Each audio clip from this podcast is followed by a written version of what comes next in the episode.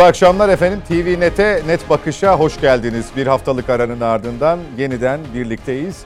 Cumhurbaşkanı Recep Tayyip Erdoğan'ın Demirtaş'ı kastederek Edirne'deki asıl hesabı İmralı'ya verecek sözleri tartışılmaya devam ediyor. Hafta sonu da bu siyaset kulislerinde bu konu, bu sözler tartışılmıştı.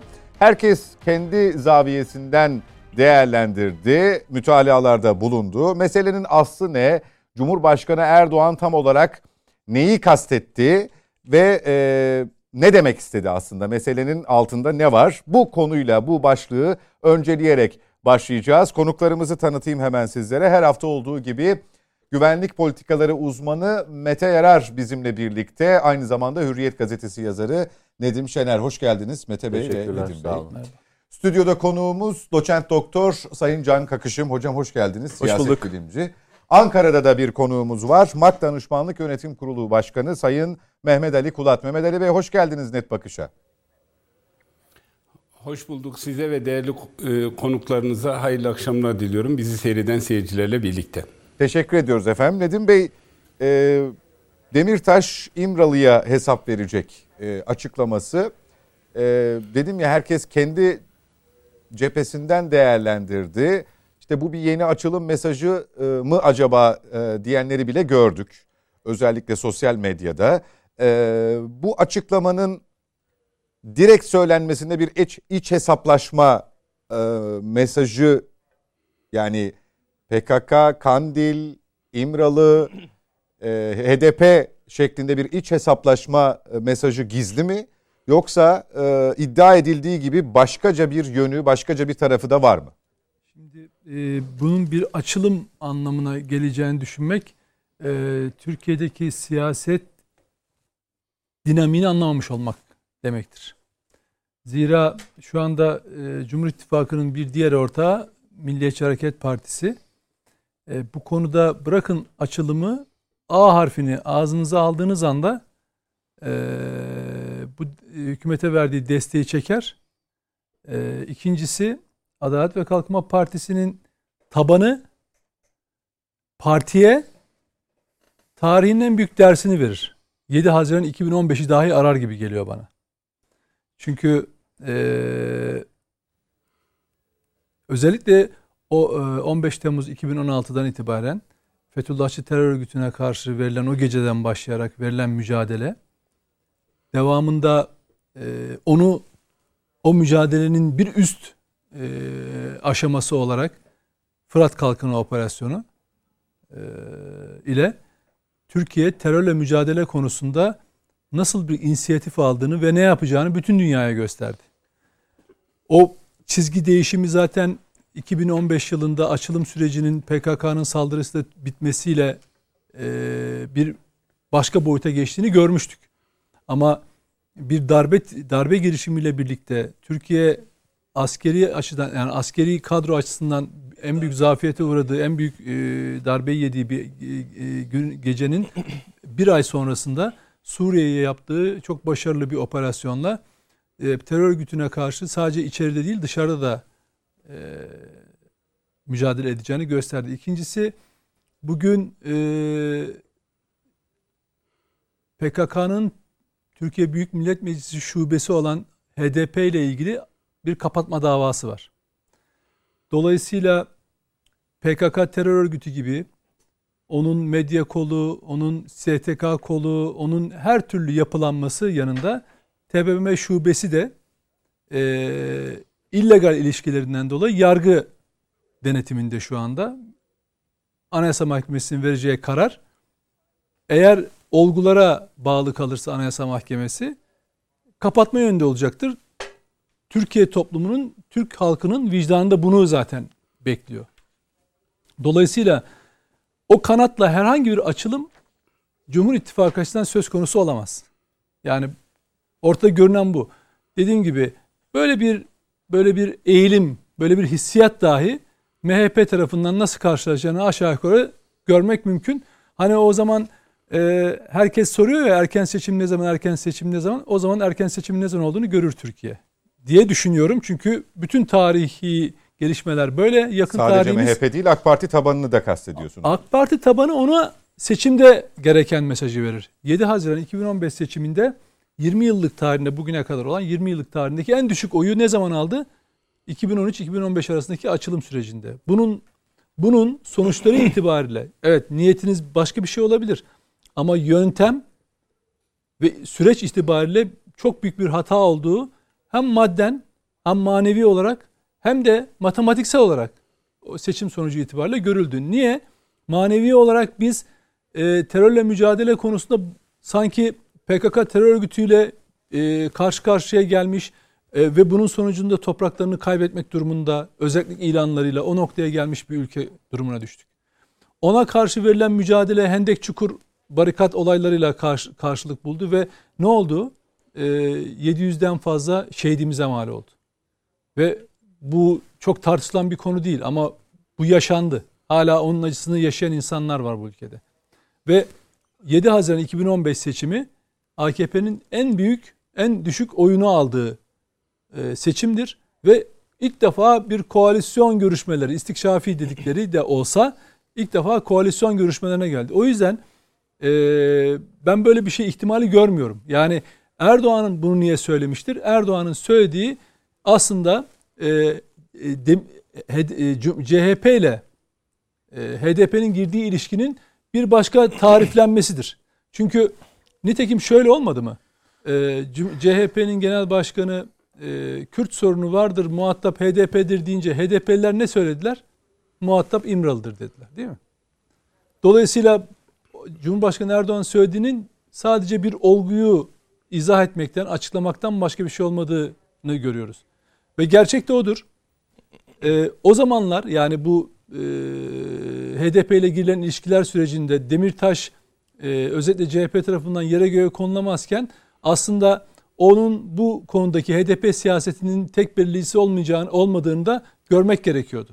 Çünkü e, yerel seçimler sürecinde de e, Kandil'deki teröristlerin söylemleri ayrıydı, tutumları ayrıydı, Demirtaş'ın tutumu ayrıydı, e, İmralı'daki terörist elebaşının tutumları ayrıydı. Bunları böyle dışarıdan biz bazen bu farkları anlattığımız zaman ne yani işte e, PKK e, şeyden e, nedir onun adı e, Öcalan'dan farklı mı düşünüyor bunları ayrı mı düşünüyorsunuz falan gibi böyle bilir bilmez konuşanlar vardı ama o ayrılığın ne olduğunu İmralı tutanaklarında görebilirsiniz. Yani Demirtaş'a hangi gözle baktığını Öcalan'ın e, Öcalan'ın e, Demirtaş'ın olaya nasıl yaklaştığını e, Kandil'in Demirtaş'ın üzerindeki baskısını, parti üzerindeki baskısını görebilirsiniz. Şöyle tek başına söyleyeyim. 7 Haziran 2015'te %13'ten fazla oy aldığında HDP Kandil dedi ki bir dakika biz olmasaydık %5 alamazdınız. Bitti. Hani e, Türkiye'de emanet oylara da saygılıyız diyen o HDP yönetimi bir anda ne oldu? Şunu söylediler. E, oylar zaten HDP'nin geri geldiler. Onlar emanet oy falan değildi demeye başladılar. Bak bugün %10 e, civarında belki biraz daha aşağısında bir oydan bahsediyoruz. Yani o emanet dedikleri oylar geri gitmiş. Dolayısıyla o Cumhurbaşkanı Erdoğan'ın söylediğini ben e, şey olarak yorumlamıyorum. Bir yeni bir açılım ö, süreci olarak. Öyle bir şey yorumlamıyorum. Çünkü bakın bu siyasi olarak bitiş demek. Yani siyasi olarak AKP açısından bitiş demek. Niye? Çünkü zaten MHP ile bir yol yürüyorsunuz. Zaten tabanınız milliyetçi muhafazakar tabanınız e, bugüne kadar son 5 özetle 5-6 yıldan beri e, terörle mücadele konusunda sürekli e, hep destek olmuş. Bu mücadeleyi mesela Kasım seçimlerinde 2015'in Kasım'ında tekrar %50'ye çıkarttı. Kim çıkarttı? AKP seçmeni. 7 Haziran'da %40 40 civarına düşüren oylar 49-50'ye yükseldi tekrar. Aynı yılın Kasım ayında yani açılım süreci bitti dendikten hemen sonra Kasım ayındaki seçimlerde %50'ye yükselttiniz. Yükseldiniz. Niye? Çünkü terörle mücadelede aldığınız inisiyatif, yönteminiz e, ulusalcı, e, milliyetçi ve bütünlükçü olduğu için. Öbür türlü bugün bugün bakın CHP CHP'nin yaptığı konu yaptıkları konusunda uyarılarımız da bunu taşıyor aslında. Bunu yapmayın. AKP bunu denedi. Bunun sonuçlarını da gördü. Bu sadece siyaseten ona fatura çıkarmadı. Bu Türkiye Türkiye'deki yurttaşlarımıza fatura çıkardı. Bölgede yaşayanlara çıkardı. Şehitlerimizin hayatına mal oldu. Bunu siz bu hale getirirseniz teröristleri şımartırsınız. Teröristlerin meclisteki şubesinin elemanlarını şımartırsınız. Başka hiçbir şey yaramaz. Ve en kötüsü size de oy kaybettirir. Öyle olacaktır diye düşünüyorum ben zaten. Peki Can Hocam siz nasıl okudunuz bu açıklamayı? Ee, çok onu kastettiğini düşünmüyorum. Bir- yeni bir açılım süreci, yeni bir dinamik görmüyorum dedi Nedim Şener. Şayet öyleyse de e, bu hem siyasi açıdan hem sosyal açıdan da daha önce denenmiş bir şeyin tekrarı olur ve faturası daha ağır olur e, dedi özetle. Evet. Sizce? Ee, yani şimdi burada en başta e, e, konuşmanın e, geneline bakmak isterim. Yani Tamam. bunun evet bunun e, bir de e, kastettiği anlam veya bunun nereye çekilebileceğinden ziyade ne dediğine odaklanmamız gerekiyor. E, benim gördüğüm şu. e, Sayın Cumhurbaşkanı diyor ki e, bir e, siyasi hükümlü için sen e, dışarı çıktığında bunun hesabını terör örgütünün başındaki kişiye vereceksin diyor. Benim gördüğüm bu. Şimdi bunun neyi kastettiğiyle, nasıl yorumlanması gerektiğiyle, bunun altında acaba farklı e, düşüncelerin olup olmadığıyla alakalı tartışma yapabiliriz gayet tabii ki. Bu bir kısmıyla spekülasyona da girer. Ama benim en başta bakmak istediğim, odaklanmak istediğim yer burası. Ve ben burada bir e, e, şey, bir yakışıksız bir durum görüyorum. Açık ifade edeyim. Yani eğer e, Türkiye Cumhuriyeti'nin Cumhurbaşkanı sanki bir yargı mekan, makamı, makamıymış, bir otorite imiş gibi e, Öcalan'ı burada referans gösteriyorsa ve sen çıktıktan sonra buna hesabını vereceksin diyorsa burada bence e, şaşırılması gereken bir tavır söz konusudur. Hukuki bir çağrışım yok orada Ee, belki ama. vallahi öyle olsun ya da olmasın. Benim karşımdaki gözümün önündeki örnek bu. Ben diyorum ki Türkiye Cumhuriyeti'nin Cumhurbaşkanı çıkıp da sen e, hesabını bu kişiye vereceksin diyemez. O kişi çünkü Türkiye'nin e, en elikanlı e, teröristidir. Türkiye'de e, bütün kesimlerin nefret objesi olan birisidir. Dolayısıyla siz onu orada referans gösteremezsiniz. Selahattin Demirtaş içinde veya herhangi birisi içinde bunu yapamazsınız. Yapmamanız gerekir. Ee, yani size mi kaldı e, örgütün iş içine müda- e, iç işine müdahil olmak veya e, orada onu bir nevi otorite gibi e, işaret etmek ve e, hesap soracak bir makam olarak göstermek. Bunu ben kabul etmiyorum. Türkiye Cumhuriyeti'nin bir yurttaşı olarak e, kabul etmiyorum. E, Demirtaş'ın buradaki cevabına bakıyorsunuz. Derdim Demirtaş'ı savunmak değil ama e, ne diyor? Ben halka hesap veririm. Ben e, bağımsız yargıya hesap veririm. Siyasiler, şimdi, evet. Evet şimdi burada e, devlet adamı e, sorumluluğuna sahip olan açıklama hangisi? Soruyorum hangisi? Yani burada e, Demirtaş'ın söylediği yani bir e, siyasetçi hesabı sadece söze bakıyorum. Bir siyasetçi hesabı e, şeye verir, e, halkına verir veya bağımsız yargıya verir demesi doğru olan tavır değil midir? Veya Ama- Türkiye Cumhuriyeti'nin Cumhurbaşkanı'nın bu noktada Öcalan'ı işaret ederek hayır hesabı buraya vereceksin demesi nasıl doğal karşılanabilir? Nasıl Sizin normal söylediğiniz karşılanabilir? penceredense zaten e, Demirtaş'ın da o şekilde açıklama yapması normal. Hı hı, O düzlemde evet, gördüğü evet, için. Evet, evet, evet. Yani burada tabii Demirtaş'ın e, o yüzden e, meseleyi çektiği yönü e, daha doğru bulduğumu ifade ediyorum. Ve diyorum ki e, devlet e, sorumluluğuna daha uygun. Hani bunu şunun için söylemiyorum. Selahattin Demirtaş devlet e, sorumluluğuna sahiptir diye söylemiyorum. Sadece sözlere bakıyorum. Literal manada. Bir tarafta bu söz var, diğer tarafta bu söz var. Ve diyorum ki hangisi devlet adamı sorumluluğuna daha uygun? Hangisi bir hukuk devleti ilkesine daha uygun? Sadece bunu sorguluyorum. Ee, aynı zamanda şaşırır mıyız? Burada e, Sayın Erdoğan'ın e, tabii Sayın Şener bazı açıklamalar yaptı. O kendi zaviyesinden olayları değerlendirdi. E, dediğim gibi burada bu aslında şunun bir e, e, sembolüdür, bunun sinyalidir vesaire demek biraz meseleyi speküle etmektir. Yani bu noktada budur diyemeyiz e, doğrudan. Ama olsa şaşırır mıyız? Açıkçası ben şöyle söyleyeyim. AK Parti'nin son derece pragmatik bir parti olduğuna inanmaktayım. AK Parti'nin şimdiye kadar e, çok keskin dönüşlerine biz şahit olduk. Dün ak dediğine, bugün kara dediğine de çok şahit olduk. Açılım O yüzden süreci bunun olması gibi beni olsa çok fazla, şaşırır e, mıyız? Onu mu Ben kastediyorsun? şaşırmam açıkçası. Yani ben şuna inanıyorum bakın. AK Parti'nin herhangi bir değişmez, sabit ilkesinin e, olduğunu, bunu tutarlı bir şekilde e, desteklediğine ben inanmıyorum. Hiç inanmadım. Pragmatik olarak kendisine e, çıkar sağlayacak olan davranışı e, hayata geçiriyor. Yani ben mesela şundan eminim ki, tabii bunu kanıtlayabilme şansım yok. E, ama e, şu anda AK Parti ile MHP ittifak dahilinde ve e, MHP'nin e, gündemi e, AK Parti'nin gündeminde önemli ölçüde belirlemekte. Bunu da biliyoruz. Ama diyelim ki Cumhur İttifakı'na e, MHP'nin e, getireceği o yüzde beş, HDP'ninki de yüzde on beş. Tamamen afaki konuşuyorum. Ve HDP de e, AK Parti ile birlikte olmayı kabul ediyor. Ben şundan eminim. Nasıl eminsin veya bunu nasıl kanıtlayın tercih, ter, tercih diye di- di- di- derseniz buna cevap veremem gayet tabii ki. AK Parti'yi tanıdığım için e, artık 20 senedir bizimle birlikte olan bir e, iktidar tanıdığım için. Ben şuna eminim ki MHP ile olan ittifakı bir anda sonlandırıp HDP ile devam edebilir. Bundan hiç şüphem yok. Tekrar söylüyorum. Bunu kanıtla derseniz kanıtlayamam gayet tabii ki. Şimdiye kadar tanıdığım AK Parti bana bunu gösteriyor. 83 doğumluyum. 19 yaşındayken ben e, üniversite öğrencisiyken AK Parti iktidara geldi. E, artık 40 yaşına e, dayandım. Halen daha iktidarda. Yani e, bir siyaset bilimi e, doçentiyim. Uluslararası ilişkiler konusunda çalıştım vesaire. Tanıdığım AK Parti bana bunu söylüyor. Ha, aynı zamanda burada çok yine şundan da dolayı şaşırmamak lazım. Evet açılım süreci bitti. O geride kaldı. 6 sene önce 7 sene önce bitti. Ama şu e, TRT'ye Osman Öcalan denilen teröristin çıkarılmasının şurada bir iki senelik bir geçmişi var. Öyle değil mi? O mektubun okutulmasının bir iki senelik geçmişi var. Yani bu TRT mevzusu ya da mektup mevzusuyla buradaki e, Sayın Erdoğan'ın en son yaptığı açıklama arasında mantıksal açıdan bir farklılık yok. Ya bu birbiriyle son derece tutarlı, uyumlu olan söylemler. Dolayısıyla zaten eğer biz buna şaşıracak olsak e, onu 2019'da da şaşırırdık. Veya 2019'un yaşanmaması gerekirdi bizim buna şaşırma, şaşırmamız için. O TRT mevzusunun ya da mektup mevzusunun yaşanmaması gerekirdi. Bunlar yaşandı zaten bu gözümüzün önündeydi. Veya yine Sayın Şener şeyden bahsetti. Hani MHP buna müsaade etmez. Yani bu e, demi, şeyin e, Öcalan'ın mektubu söz konusu olduğunda mesela Bahçeli de çok pragmatik bir tavır takındı. Ne dedi? E, bakın uyarıyor dedi. Siz bu uyarıya rağmen halen daha HDP'ye dönüp bu uyarıya rağmen Öcalan'ın uyarısına rağmen halen daha oraya mı oy vereceksiniz? Tarzda bir açıklama yaptı değil mi? Ya, bulabilirsiniz onu e, şeyde. E, hatta kendisinin sözünün dinlenmemesinden dolayı bir şikayeti var. Herhalde bunun için e, bu mektubu yazmış falan gibi. Hani bir nevi onun söylemini tercüme etti.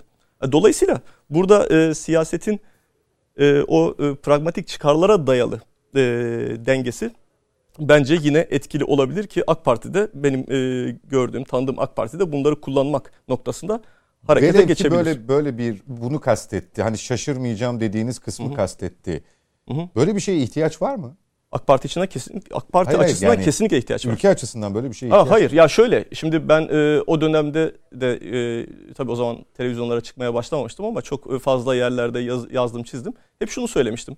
Eğer Türkiye'de demokratikleşme e, adına atılacak adımlar varsa bunu gayet tabii ki yapalım. Mesela e, Kürt kökenli yurttaşlarımızın e, haklarına, kültürel varoluşlarına yönelik onları güçlendirmeye dönük bir tavır varsa veya onların öyle ya da böyle bu devleti daha fazla sahiplenmelerine vesile olacak bir yasal e, düzenleme varsa bunları yapalım, bunu konuşalım.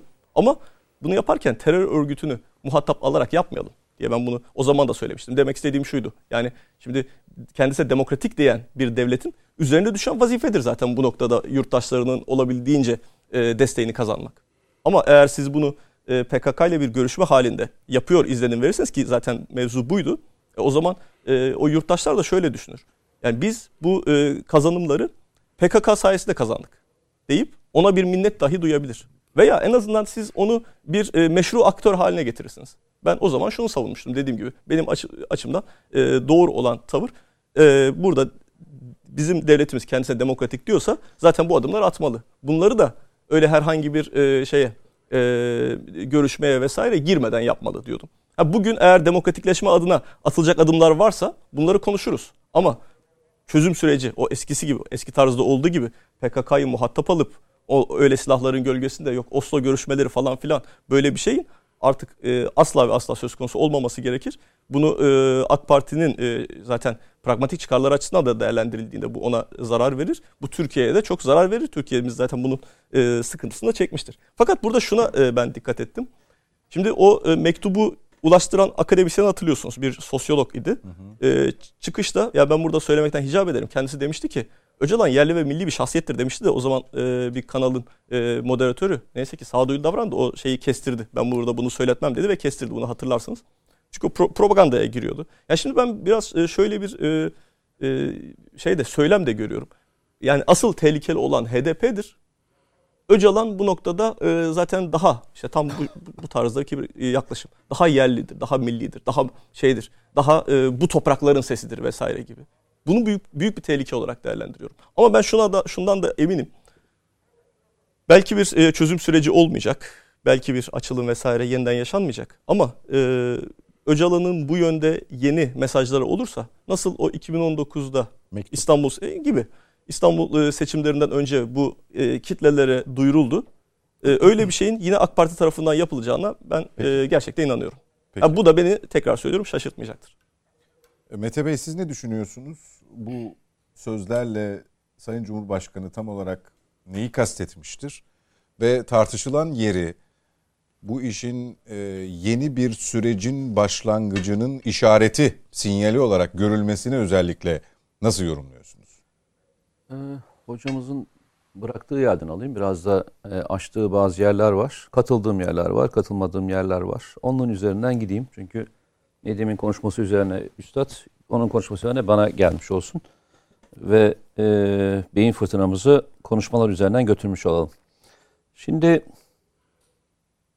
dendi ki Demirtaş e, açıklamasında ben halka hesap veririm. Ee, Valla ben bugüne kadar gördüğüm Demirtaş her e, deyiminde, her konuşmasında referans olarak verdiği konuşmaların tamamı İmralı'ydı. Yani hiç e, halka dayanarak bir şey verdiğini ben görmedim. Konuşma tarzı, herhangi bir konu olduğunda HDP'nin adres olarak gösterdiği ilk yer neresi? Mesela bu sorun çözülsün diye e, konuşulduğunda CHP e, CHP ortaya attığında işte bu Kürt meselesini konuşalım dediğinde adres olarak nereye göstermişlerdi hatırlıyor musunuz ilk önce? İmralı'yı göstermişlerdi. Şimdi o zaman kendi içerisinde bir tezat oluşturmayalım. Yani e, onlar bugüne kadar danışılacak olan yeri hep orası olarak gösterdiler. Onların göstermiş oldukları e, bu yeri onlar işaret ederken bunu bir yorum olarak değil, bir analiz olarak değil, bir tespit olarak yapmak lazım. Yani ben e, burada aksi böyledir desem ayıp olur. Ayıp olur. Neden ayıp olur? Şunun için ayıp olur. Ee, şöyle düşünün. Siz e, kayyum atıyorsunuz. Kayyum atılan yerlerde bölgeyi gezerseniz, dolaşırsanız insanlar size şunu söylüyor. Ben oyumu attım ama hizmet vermeyeceğini zaten biliyordum. Ee, gelen kişilerin daha fazla hizmet vereceklerini biliyorum diyorsanız aslında e, çok da halkın sesini dinlediğinizi net olarak söyleyemezsiniz. Çünkü e, bu bir şey değil ki, provanda değil ki. Halk halka niye gidiyorsunuz? Niye belediyeleri kazanıyorsunuz? Örnek vereyim. Doğru kişiyi seçiyorsunuz ve onun da hizmet vermesini bekliyorsunuz. Bu hizmet verilmediğinde otomatikman ortaya doğacak olan sonuçta aslında çok da fazla umursamadığınızın göstergelerinden bir tanesi. Liyakat dediğimiz hikaye ister yerel yönetimli olsun diğerleri olsun. Çok da fazla kale alınmadığının en büyük göstergelerinden bir tanesi. Ee, biraz daha analiz yapalım isterseniz biraz daha e, deşelim. Şimdi AK Parti pragmatik bir partidir. Doğru AK Parti pragmatik bir parti. Ama AK Parti hiç e, HDP ile e, ittifak yapmadı. Hiçbir seçime beraber girmedi. Hiçbir seçimde beraber aday çıkartmadı. Hatta birbirlerinin rakipleri oldular. Yani çözüm süreci içinde yaşanan süreçte de yani 2006-2008'de başlayan süreçte içerisinde de rakiplerdi. Ve ortak aldıkları bir karar yoktu. Yani benim bildiğim Doğu ve Güneydoğu Anadolu bölgesinde sen seçime gir ben girmeyeyim, senin çıkartın ya da ben aday çıkartmayayım gibi bir e, şeye girmediler. Yani böyle bir e, beraber ittifak e, görüntüsünü yapmadılar. Evet bir proje var ortada, demin e, söylenen, çok doğru söyledi. Ortada bir proje vardı. Projenin yanlışlarıyla da aynı şeyi düşünüyorum dedim ya dedim yani her şeyin her şey doğru veya yanlış diye değil. Altına ben de imza atacağım bir konuşma yaptı. Aynen öyle. Ben de öyle düşünüyorum. E, o dönemde AK Parti'nin yaptığı herkesin yapması gereken siyaseti muhatap aldı. Siyaseti. Ve o dönemde e, Türkiye toplumun, Türk toplumunun e, genel olarak e, herkesin şöyle bir düşüncesi vardı. Bu sorunu mecliste tartışarak çözelim. E, meclisteki tartışarak çözecek olan kişi e, grup hangisiydi? Bütün siyasi partiler. Orada bir tek itirazım olan şey bunun Türkiye Büyük Millet Meclisi'ne gelmemesine. Yani hatta o zaman Kemal Bey'in söylediği belki en e, doğru kelimelerden bir tanesi bu çözülecekse bu, bu çatı altında çözülmeli. Tartışmaları burada yapalım dediği şey çok doğruydu. Türkiye Büyük Millet Meclisi bunun için en doğru yerlerden bir tanesi. Ama Doğu ve Güneydoğu Anadolu bölgesinde bu soruyu çözmek istiyorsanız konuşacağınız, mecliste konuşacaklarınız partilerden bir tanesi de HDP'dir. Bunun başka alternatifi yok. Ama hepsi o değil bakın. Bütün partiler artı HDP'dir. Orada konuşulanlardan bir tanesi HDP'nin kendisiydi. Ama ben son dönemde e, gördüğüm kadarıyla mesela HDP e, ittifak yaptı başkalarıyla. Ama e, AK Parti ile ittifak yapmadı. O yüzden bugün de e, her şey değiştirse e, AK Parti ile e, şey birleşir mi? E, HDP birleşir mi sorusunun cevabı bende e, olumsuz. Çünkü örneği yok. Yani bir örnek birliktelik, e, bir örnek ilerleme yok. Hatta şöyle biraz daha iddialı konuşayım ben size. PKK e, bu sorunun çözülmesini ister mi? Yani e, Türkiye Cumhuriyeti Devleti'nden toprak kopartmayı isteyen, bir bağımsız devlet kurmayı isteyen PKK bu sorunun çözülmesinin e, ve genel anlamda halkın gündeminde bu tartışmanın olmamasından hoşnut olabilir mi sizce? Mümkün değil. Ne kadar çok tartışacak konu olursa, ne kadar çok e, süstima edecek konu varsa PKK bunun üzerine tepinecektir.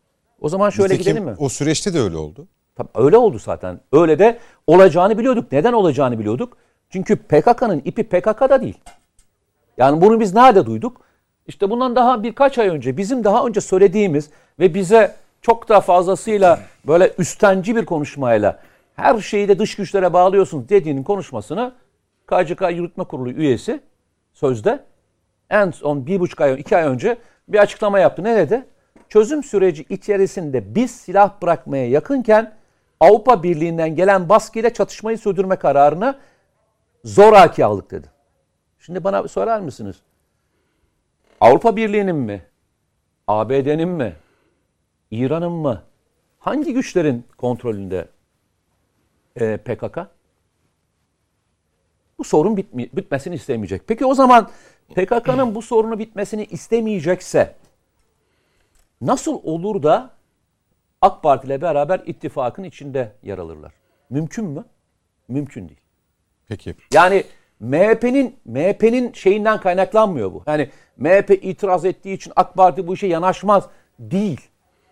Onlar yanaşmazlar. Çünkü ne kadar siyaseten güçlü olursa bu sorunun çözülmesi o kadar daha iyi olacaktır. Örnek vereyim size. Bugün belki yakın zamanda gittiniz mi bilmiyorum ama e, yakın zamanda giden arkadaşlara lütfen bir git, görmelerini isterim. 2000 ee, 15'ten sonra başlayan, barikatlar döneminden sonra başlayan süreç içerisinde Doğu ve Güneydoğu Anadolu bölgesine terörün de azalmasıyla beraber hizmetler çok daha yüksek bir miktarda devam etmeye başladı. Yani yolların yapılmasından, barajların, işte sulama kanallarının, e, elektrik, hastaneler ve diğerleri. Yani baktığınızda hatta e, şeylerin, şehirlerin kalkınmasına baktığınızda çok farklı bir yöne doğru gittiğini görebilirsiniz. PKK bundan da hoşlanmayacaktır. Refah seviyesi artmış. Sosyal ve kültürel haklarını alabildiği bir ortam PKK'nın asla işine gelmeyecektir. Bu değişim de hoşuna gitmeyecektir. Bu değişimin aktörlerinden bir tanesi olan siyasal anlamda güçlü bir iktidar da hoşlarına gitmeyecektir. Bu terörün mantığına uygun değil. Şimdi uluslararası ilişkiler hocası, hocam e, istisası burada. Terör örgütleri zayıf yönetimler severler. Bu tipler yani bu organizasyonlar başkalarının da işine yarayabilecek güçsüz ama beraber çalışabilecekleri yapı severler. Zaaflardan beslenirler. Zaaflardan beslenirler. Şimdi böyle bir organizasyonda AK Parti'nin elini güçlendirecek hiçbir hamle yapmazlar. Bunun en güzel örneklerinden bir tanesini ben size söyleyeyim. O dönem mi okumak istiyorsak bakacağınız olaylardan bir tanesi çok nettir. Bize aksettiren konu neydi? IŞİD'in PYD'ye saldırdıydı değil mi? Veya PYD'ye saldırarak ne yaptıydı? İşte bölgedeki e, işte Kürt halkına eziyet ettiğiydi. Öyle değil mi? Ya da sorgusuz sualsiz Su- silah teslim ettiği falan. Suriye'de. Tamam. Hatırlayın. E, Suruç'ta patlayan bombanın arkasından o dönem e, başbakan e, şeydi Davutoğlu'ydu. Sayın Davutoğlu'ydu. Sayın, Sayın Davutoğlu bu olaydan sonra bir açıklaması vardır. İşte Suriye içerisinde operasyonlara başlayacağız açıklaması vardı. Hatırlar mısınız? Şimdi PYD olarak düşünün veya PKK olarak düşünün. Aynı olduğu için ayırmıyorum. Şimdi IŞİD'e operasyon başlatacak bir durum PYD'nin işine mi gelir? Veya Kürt halkının öldürüldüğünü düşünüyorsanız bu fonksiyon kimin işine gelir? Bölgedeki yaşayan Kürt insanların değil mi? Öyle değil mi? Bu açıklama yapıldığı iki gün sonra Ceylanpınar'da polislerimizin şehit edilmesi ve şeyin bitirildiği açıklaması geldi. Çözüm sürecinin bitirildiği, e, çatışmasızlık ortamının bitirildiği ile açıklama geldi. Kimden geldi? Terör örgütünden geldi. Şimdi şeye bakar mısınız? Mantığa bakar mısınız? En çok işine yarayacağı bir ortamda Türkiye Cumhuriyeti Devleti'nin bütün gücüyle IŞİD'e yükleneceğini ve ezeceğini bildiği bir ortamda dedi ki ben bunu istemem deyip barikatlar dönemini başlattı. Barikatlar döneminin başlaması Türkiye'nin Suriye operasyonlarını tam tamına iki sene attırdı. İki sene geriye gitti. İki sene geriye gitti. O zaman bunları eğer elinizde veri olarak alırsanız zaten bu sürecin nereye doğru evleyeceğini biliriz. Peki. Hani bilinmeyenler ne var var? PKK bilinmeyeni net koyduk. HDP'yi koyduk. AK Parti'yi koyduk. Benim burada e, gördüğüm tablonun içerisinde zaten bilinden beri yani bugün Türkiye'deki siyaset bilimini konuşanların tamamının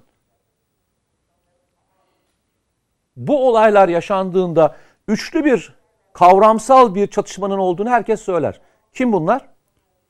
Terör örgütün başı İmralı, Kandil ve e, işte kendisini bağımsız politika üretmeye çalışan bir grubun arasındaki çatışmayı hepimiz yaklaşık tam 5 yıldan beri, şimdikinden 5 yıldan bahsetmiyorum, çözüm sürecindeki 5 yılda biz gözümüze sokağa sokağa sokağa yazdılar. İşin ilginç tarafı ne biliyor musun? Bu yazıları yazanlar bugün de bize şunu söylüyorlar. Nereden çıkarttınız bunu? Biz demedik arkadaş. Siz yazılarınızda bunları söylediniz. İmralı'nın unutulmaması gerektiğini, Kandil'in unutulmaması gerektiğini, bu konuşmanın içerisindeki bu üçlünün arasında büyük bir çatışma olduğunu HDP'ye yakın olan Cana böyle manşetlerle yazdı. Ben hiç bu konuda yazı yazmadım. Bildiğim halde yazmadım. Veya bildiğim halde konuşmadım. Ama bilenler bunun böyle olduğunu söylediler. Bugün bu tartışmayı Sayın Cumhurbaşkanı söylemiş olması herkese çok ilginç geliyor. Bu hesaplaşmanın içerisinde Sayın Cumhurbaşkanı'nın şöyle hukuki bir deyim kurması mümkün değil. İkisi de devletin kontrolü altında ve can güvenliğinin kendisinin altında olan iki tane kişiden bahsediyoruz. Abdullah Öcalan'ı da seversiniz sevmezsiniz. Selahattin Demirtaş'ı seversiniz sevmezsiniz. Ama devletin cezaevlerinde can, mal güvenlikleri devlet tarafından sağlanıyor. Onların koruması altında. Artık orada yaptıkları yalnızca cezalarını çekmek. Ekstra bir cezalandırmanın yapılmasına asla bu devlet müsaade etmez.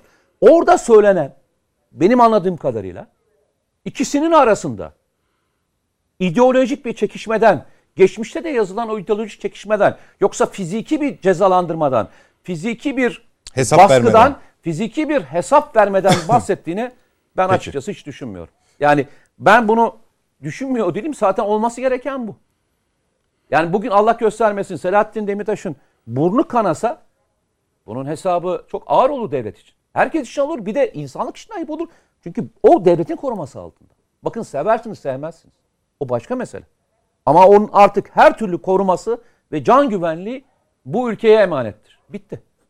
Serhat Bey bir, bir yani mat, şimdi bu konuda Çok kısa mat, lütfen. Tabii mat, mat, matematik yani hani siyasi veya subjektif değerlendirmelerden ziyade matematiksel kesinlikler var. Ee, açılım süreci dediğiniz o karar sürecinde e, 2014 ya da 2015 2014 yılında e, PKK'ya katılım 5400 civarında.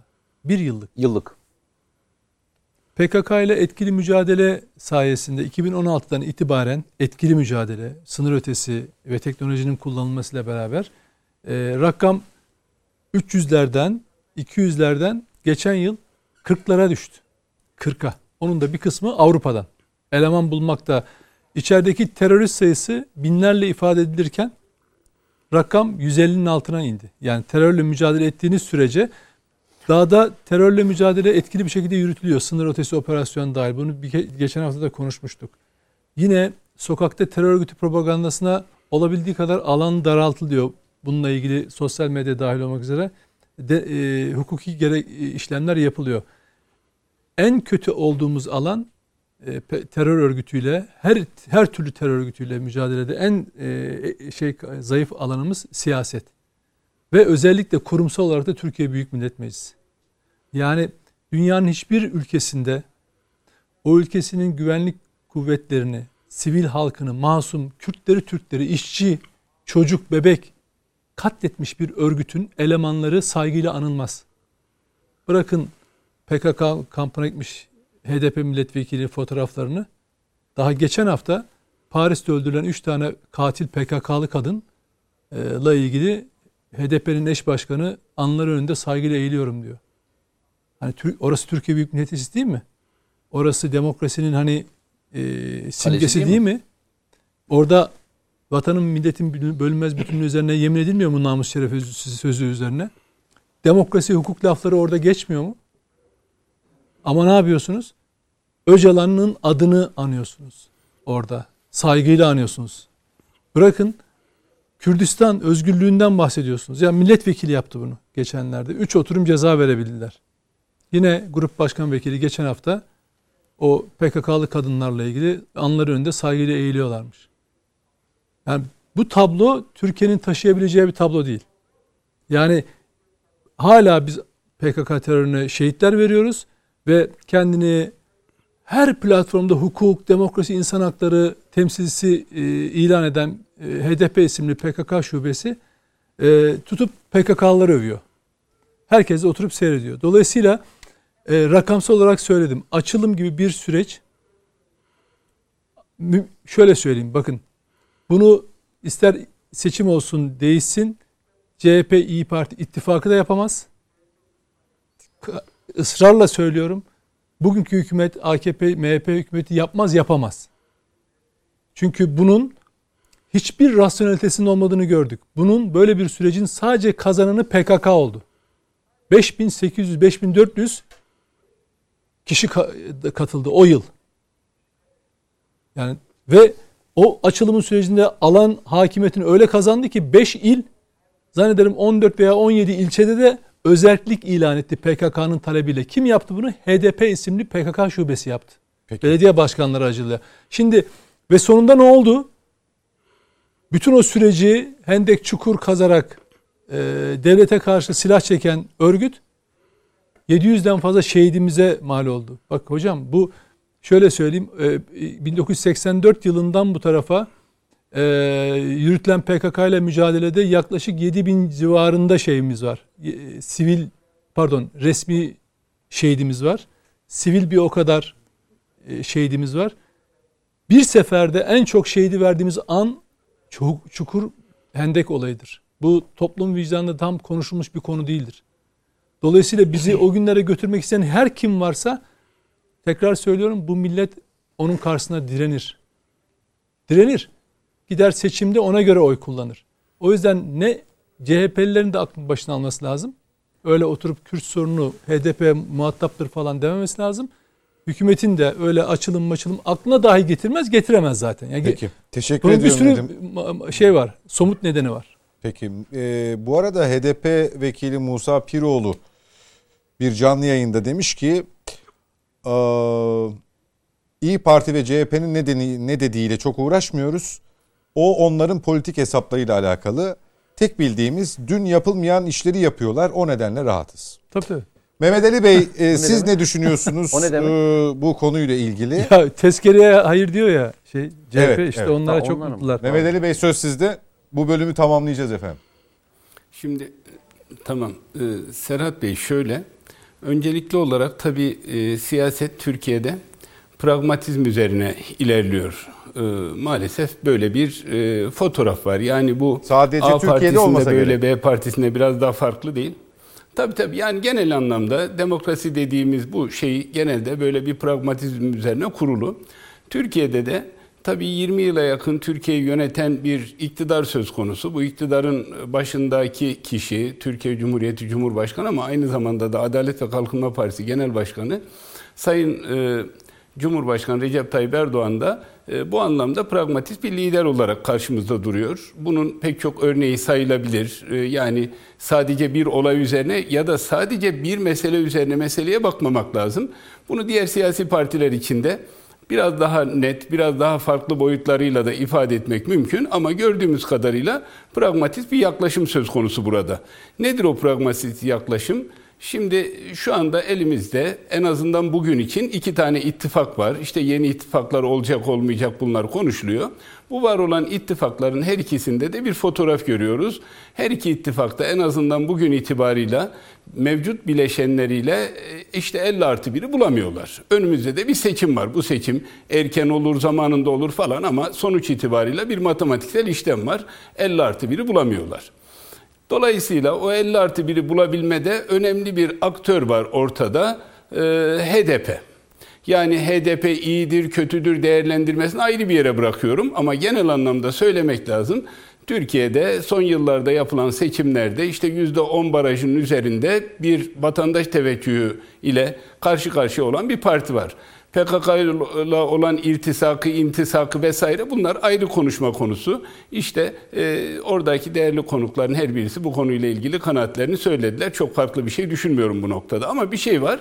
Karşımızda %10'luk bir blok parti var ve bu blok parti bugüne kadar e, en azından destekleri itibarıyla çok ciddi şekilde beraber hareket edebilen bir seçmen kitlesine sahip. Yani diğer partilerde çok görmediğimiz şekilde bir blok olarak oy kullanıyorlar. Mesela son seçime baktığımızda, son yerel seçime baktığımızda ben birkaç nokta belirledim ve oralarda özel çalışmalar yaptım. Mesela İstanbul Esenyurt'ta e, bir önceki genel seçimde bir bölgede 62 bin civarında HDP'ye oy veren seçmen e, yerel seçim sırasında bir adaya 61 bin küsür oyu blok olarak vermiş. Yani bu müthiş bir şey. Bir yönlendirme anlamda, politik anlamdaki müthiş bir şeyden bahsediyorum. Doğru bir şey, iyi bir şey, güzel bir şey ya da kötü bir şey anlamda söylemiyorum. İşimin bir parçası olarak yani bir kamuoyu araştırmacısı değerlendirmesi üzerinden söylüyorum. Bu kadar ciddi bir seçmen kitlesini yönlendirmek bu anlamda ıı, çok zor bir şey normalde. Tabi burada bu kitle yani HDP seçmeninin özellikle son dönemlerde İstanbul seçimleri ve ondan önceki yerel seçimlerdeki duruşuna bakıldığında da bu seçmenin bu iki ittifak içerisinde Cumhur İttifakı ve Millet İttifakı içerisinde Millet İttifakı'na daha yakın durduğu, muhtemelen önümüzdeki süreçte de Millet İttifakı'na destek vereceği anlaşılıyor. Yapılan açıklamalardan gördüğümüz e, herhangi bir resmi açıklama üzerinden değil ama birden fazla okumayı bir araya getirdiğimizde karşımıza çıkan fotoğraf bu. Bu doğal olarak Cumhur İttifakı'nda haklı olarak Cumhur İttifakı'nın bileşenlerinde haklı olarak bir kısım karşı ataklar yapmayı gerekli kılıyor. Çünkü sonuç itibarıyla %10'luk bir kitleden bahsediyoruz ki Türkiye'de 0.0 bilmem kaç oy alan partilere e, gösterilen teveccühe baktığımızda %10 çok büyük bir anlam taşıyor doğal olarak. Ve ya o yüzde onluk seçmen kitlesini yanınıza alacaksınız ya o seçmen kitlesini yapabiliyorsanız ortadan böleceksiniz. Bölebiliyorsanız. Bölmekle kastettiğim şey de siyaset üzerinden bir bölmekten bahsediyorum. Yani bu yanlış bir şey değil doğal olarak. Pragmatist bir siyasette olması olmaz bir şey. Eskiden Adalet ve Kalkınma Partisi'nin davranış modeli şuydu. Sayın Cumhurbaşkanı'nın davranış modeli genel itibariyle şuydu. Sayın Cumhurbaşkanı en azından e, AK Parti'nin ilk yıllarında Doğu ve Güneydoğu seçmenine bakarken siyaset üstü bir değerlendirme yapıyordu ve o seçmenin HDP'li vesaire oluşuyla ilgilenmeyip daha çok seçmen odaklı bir çalışma yapıyordu ve orada AK Parti ciddi oranda bir başarı yakalayabiliyordu bu noktada. Ve e, bölgede e, HDP e, şöyle ya da böyle hep ikinci sırada kalıyordu ama son yıllarda HDP'nin bazı illerde yakaladığı fotoğraf ve büyük şehirlerdeki Kürt seçmen ama HDP'li Kürt seçmen üzerinden söylüyorum yakaladığı bir fotoğraf var. AK Parti tabii bu süreç içerisinde bir başka Ee, yani politikalarının sonucu şudur budur onların üzerinde de kısa kısa değerlendirme yaparım ama gördüğümüz kadarıyla sadece HDP'li seçmenle sorun yaşamıyor bölgede.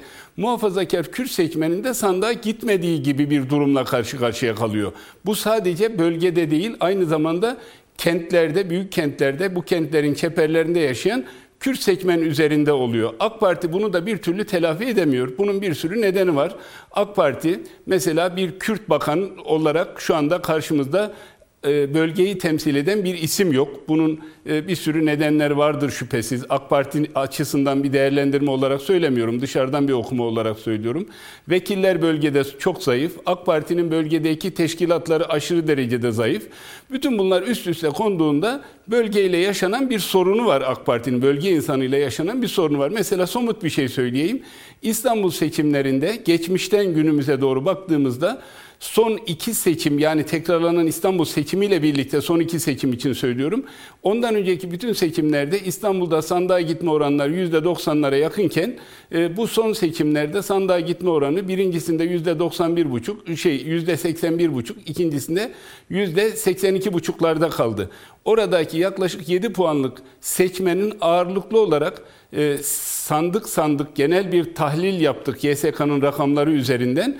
Baktık ki ağırlıklı olarak muhafazakar Kürt seçmende yani AK Parti'nin e, tabiri caizse kendi seçmen olan seçmenin de yıllarca AK Parti'ye oy veren seçmenin de sandığa e, gitme konusunda e, bir iştahsız davrandığını en azından o sandığa gitmediğini gördük. Peki. Bir başka somut örnek söyleyeyim mesela. Adana'da, Mersin'de e, çok önemli, e, hemen bitiriyorum. Yani e, ben burada unutuldum Ankara'da olmanın dezavantajıyla. Hiç- hiç Ama öyle bir şey yok Adana ve Ali, evet. Mersin'e baktığınızda, ya, Adana ve Mersin'e baktığınızda AK Parti artı MHP'nin her dönemde oy oranları e, yani e, her ikisi yüzde otuzlardadır. Biz Adana ve Mersin'i hep şu işaretle anlatırız genelde kamuoyu araştırmacıları işte 30 30 30 10 şeklinde anlatırız.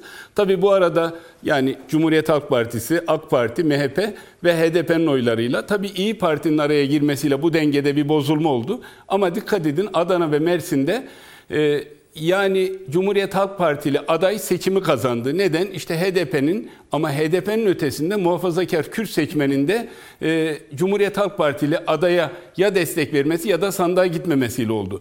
Şimdi burada asıl mesele şu. Bir, evet Cumhurbaşkanı pragmatist bir davranış sergiliyor. Benim okumam bu. Çünkü orada yapmış olduğu konuşmada yani sizin sorunuza konu olan konuşma bir anlık konuşma değil. Mesela bir cami çıkışında yaptığı bir konuşma değil. Dikkat ettim konuşmaya. Sayın Cumhurbaşkanı'nın bu konuşması prompterdan yapılan bir konuşma. Yani düşünülmüş, üzerinde e, bir e, fikir jimnastiği yapılmış, bir değerlendirme yapılmış bir konuşmadır. Dolayısıyla Sayın Cumhurbaşkanı'nın bir anlık bir değerlendirmesi değil bu. Bir anlık da olabilirdi ama öyle değil yani onu anlatmaya çalışıyorum. Burada e, Sayın Cumhurbaşkanı'nın tabii şunu en azından e, yani hukuki boyutu falan o, o boyutları ile ilgili e, Sayın Can e, Kakışım bir açıklama yaptı, bir değerlendirme yaptı. Ben o, o bölümüne girmem. O hukukçuların özellikle yapması gereken bir değerlendirme. Ama şu kadarını söyleyeyim. Buradaki ifadenin ben daha ziyade e, o iki yapı yani e, Demirtaş ve Öcalan yapısına karşı acaba bu yapının tam ortasından bir bölünme sağlanabilir mi gibi bir şey düşünülmüş olabilir. Burada e, bizim yapmış olduğumuz bölgeden bir şeyi Sayın Mete Yarar'a da bir anlamda çünkü televizyonda da farklı programlarda da izliyorum. Bölgeye de hakim bir e, e, asker kökenli isim olarak da önemli bir veri söylemek isterim burada. Biz geçmişte bölgede bir araştırma yaptık. Sadece o bölgeye e, ilgili bir araştırma yaptık ve bir soru sorduk orada. E, insanlara dedik ki şehrinizde olmayan, sizin şehrinizde olmayan ama Türkiye'nin batısından mesela Bilecik'te, Yozgat'ta ya da Sinop'ta olan devlet yatırımı ne var diye sorduk. Gördüğümüz kadarıyla ortaya çıkan sonuç üzerinden söylüyorum. Bölge insanının artık bölgede ana dilde eğitimin dışında bizim şehrimizde yok dediği ciddi bir devlet yatırımı kalmamış. Yani devlet son dönemlerde pozitif ayrımcılık yapmış bölgeye. işte hastane ise hastane götürmüş, yolsa yol götürmüş. Tamam bazı konular biraz daha fazla diğer bölgelere göre. Çünkü genç nüfus daha fazla. Doğal olarak işsizlik daha fazla. Ama bunun dışında devlet götürebileceği imkanları özellikle son yıllarda götürmüş. Peki, Peki ne eksik kalmış burada? Bütün bu yatırımlar gitmesine rağmen ne gitmemiş bölgeye? Asıl soru bu. Gitmeyen şey şu. Bakın bölgeye giden her yatırımla birlikte her seçim döneminde HDP'nin oyunun biraz arttığını görüyoruz. Bu şu iddianın bugüne kadarki çalışmanın doğru bir tez olmadığını gösteriyor. Bölgeye işte bugüne kadar devlet yatırım yapmamış. Ondan dolayı bölgenin insanlar işte dağa çıkıyorlar, terör örgütü oluyorlar falan. Bazı kendini çok özür dilerim bilmez birileri de bölgedeki bu teröristler işte bölgede işsizlikte olduğundan dolayı gitmişler falan gibi aklı hayale gelmez ifadeler kullanmışlar. Konu bu değil. Konu bölgedeki vatandaşların Vatandaşlar derken oradaki terör örgütünün mensuplarından bahsetmiyorum. Terör örgütü mensubu kriminal anlamda düşünülür. Ben genel anlamdaki değerlendirmeleri yapıyorum. Bölge insanına karşı siyasi e, Sayın e, Şener dedi ki mecliste temsil edilme noktası. Ben meselenin sadece meclise indirgenmesinin doğru olmadığı kanaatindeyim. Bölgenin yerel seçimlerde de yapılan bütün seçimlerini HDP kazanıyor dikkat ederseniz. Bölgede insanlarımızın e, şu anki diğer siyasi partilerle olan bağını güçlendirici bir dizi çalışmaların yapılması gerekiyor. Maalesef bunlar yapılamıyor. Toparlayalım Sayın Ve Kulat. AK Parti bu noktada AK, AK Parti bu noktada geçmişte bölge insanlarıyla iyi diyalog kuruyordu. Bu anlamda bölge insanlarından e, temsilcileri vardı. Şu anda AK Parti'nin bölgedeki vekilleri çok zayıf. AK Parti'nin il ilçe teşkilatları bu anlamda son derece zayıf ve daha da önemlisi bakın e, özellikle vatandaşa AK Parti devlete olan bağını güçlendirici bir kısım e, değerlendirmeler yapma konusunda son derece zayıf kalmakta.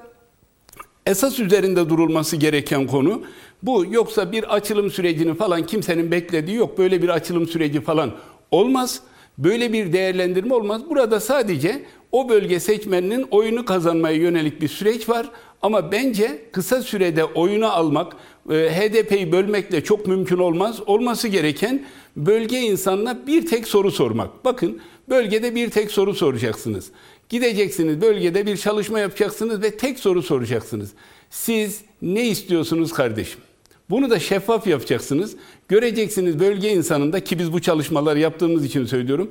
Bölge insanının en azından alel ekserinin bir bölücülük derdi yok. Bölge insanına işte baskı kuruluyor da ondan dolayı HDP oy veriyorlar falan bu da doğru bir e, analiz değil. Sadece iktidar cenahı bölge insanıyla iyi diyalog kuramıyor ama son dönemlerde gördüğüm kadarıyla bütün Türkiye'deki siyasi partiler bölgeye önem vermeye başladılar. Bu ülkemizin kazancı bir davranış modelidir. Onu öncelikle söyleyeyim. Hangi parti olursa olsun Türkiye'de bölgeyi kazanıcı bir kısım adımların atılması gerekiyor. Bunu öncelikle belirtmek isterim. Peki. Teşekkür ediyorum bu bölüm için efendim tüm konuklarıma. Ara vakti reklamların ardından ikinci bölümle devam edeceğiz. Net bakışa bizden ayrılmayın lütfen.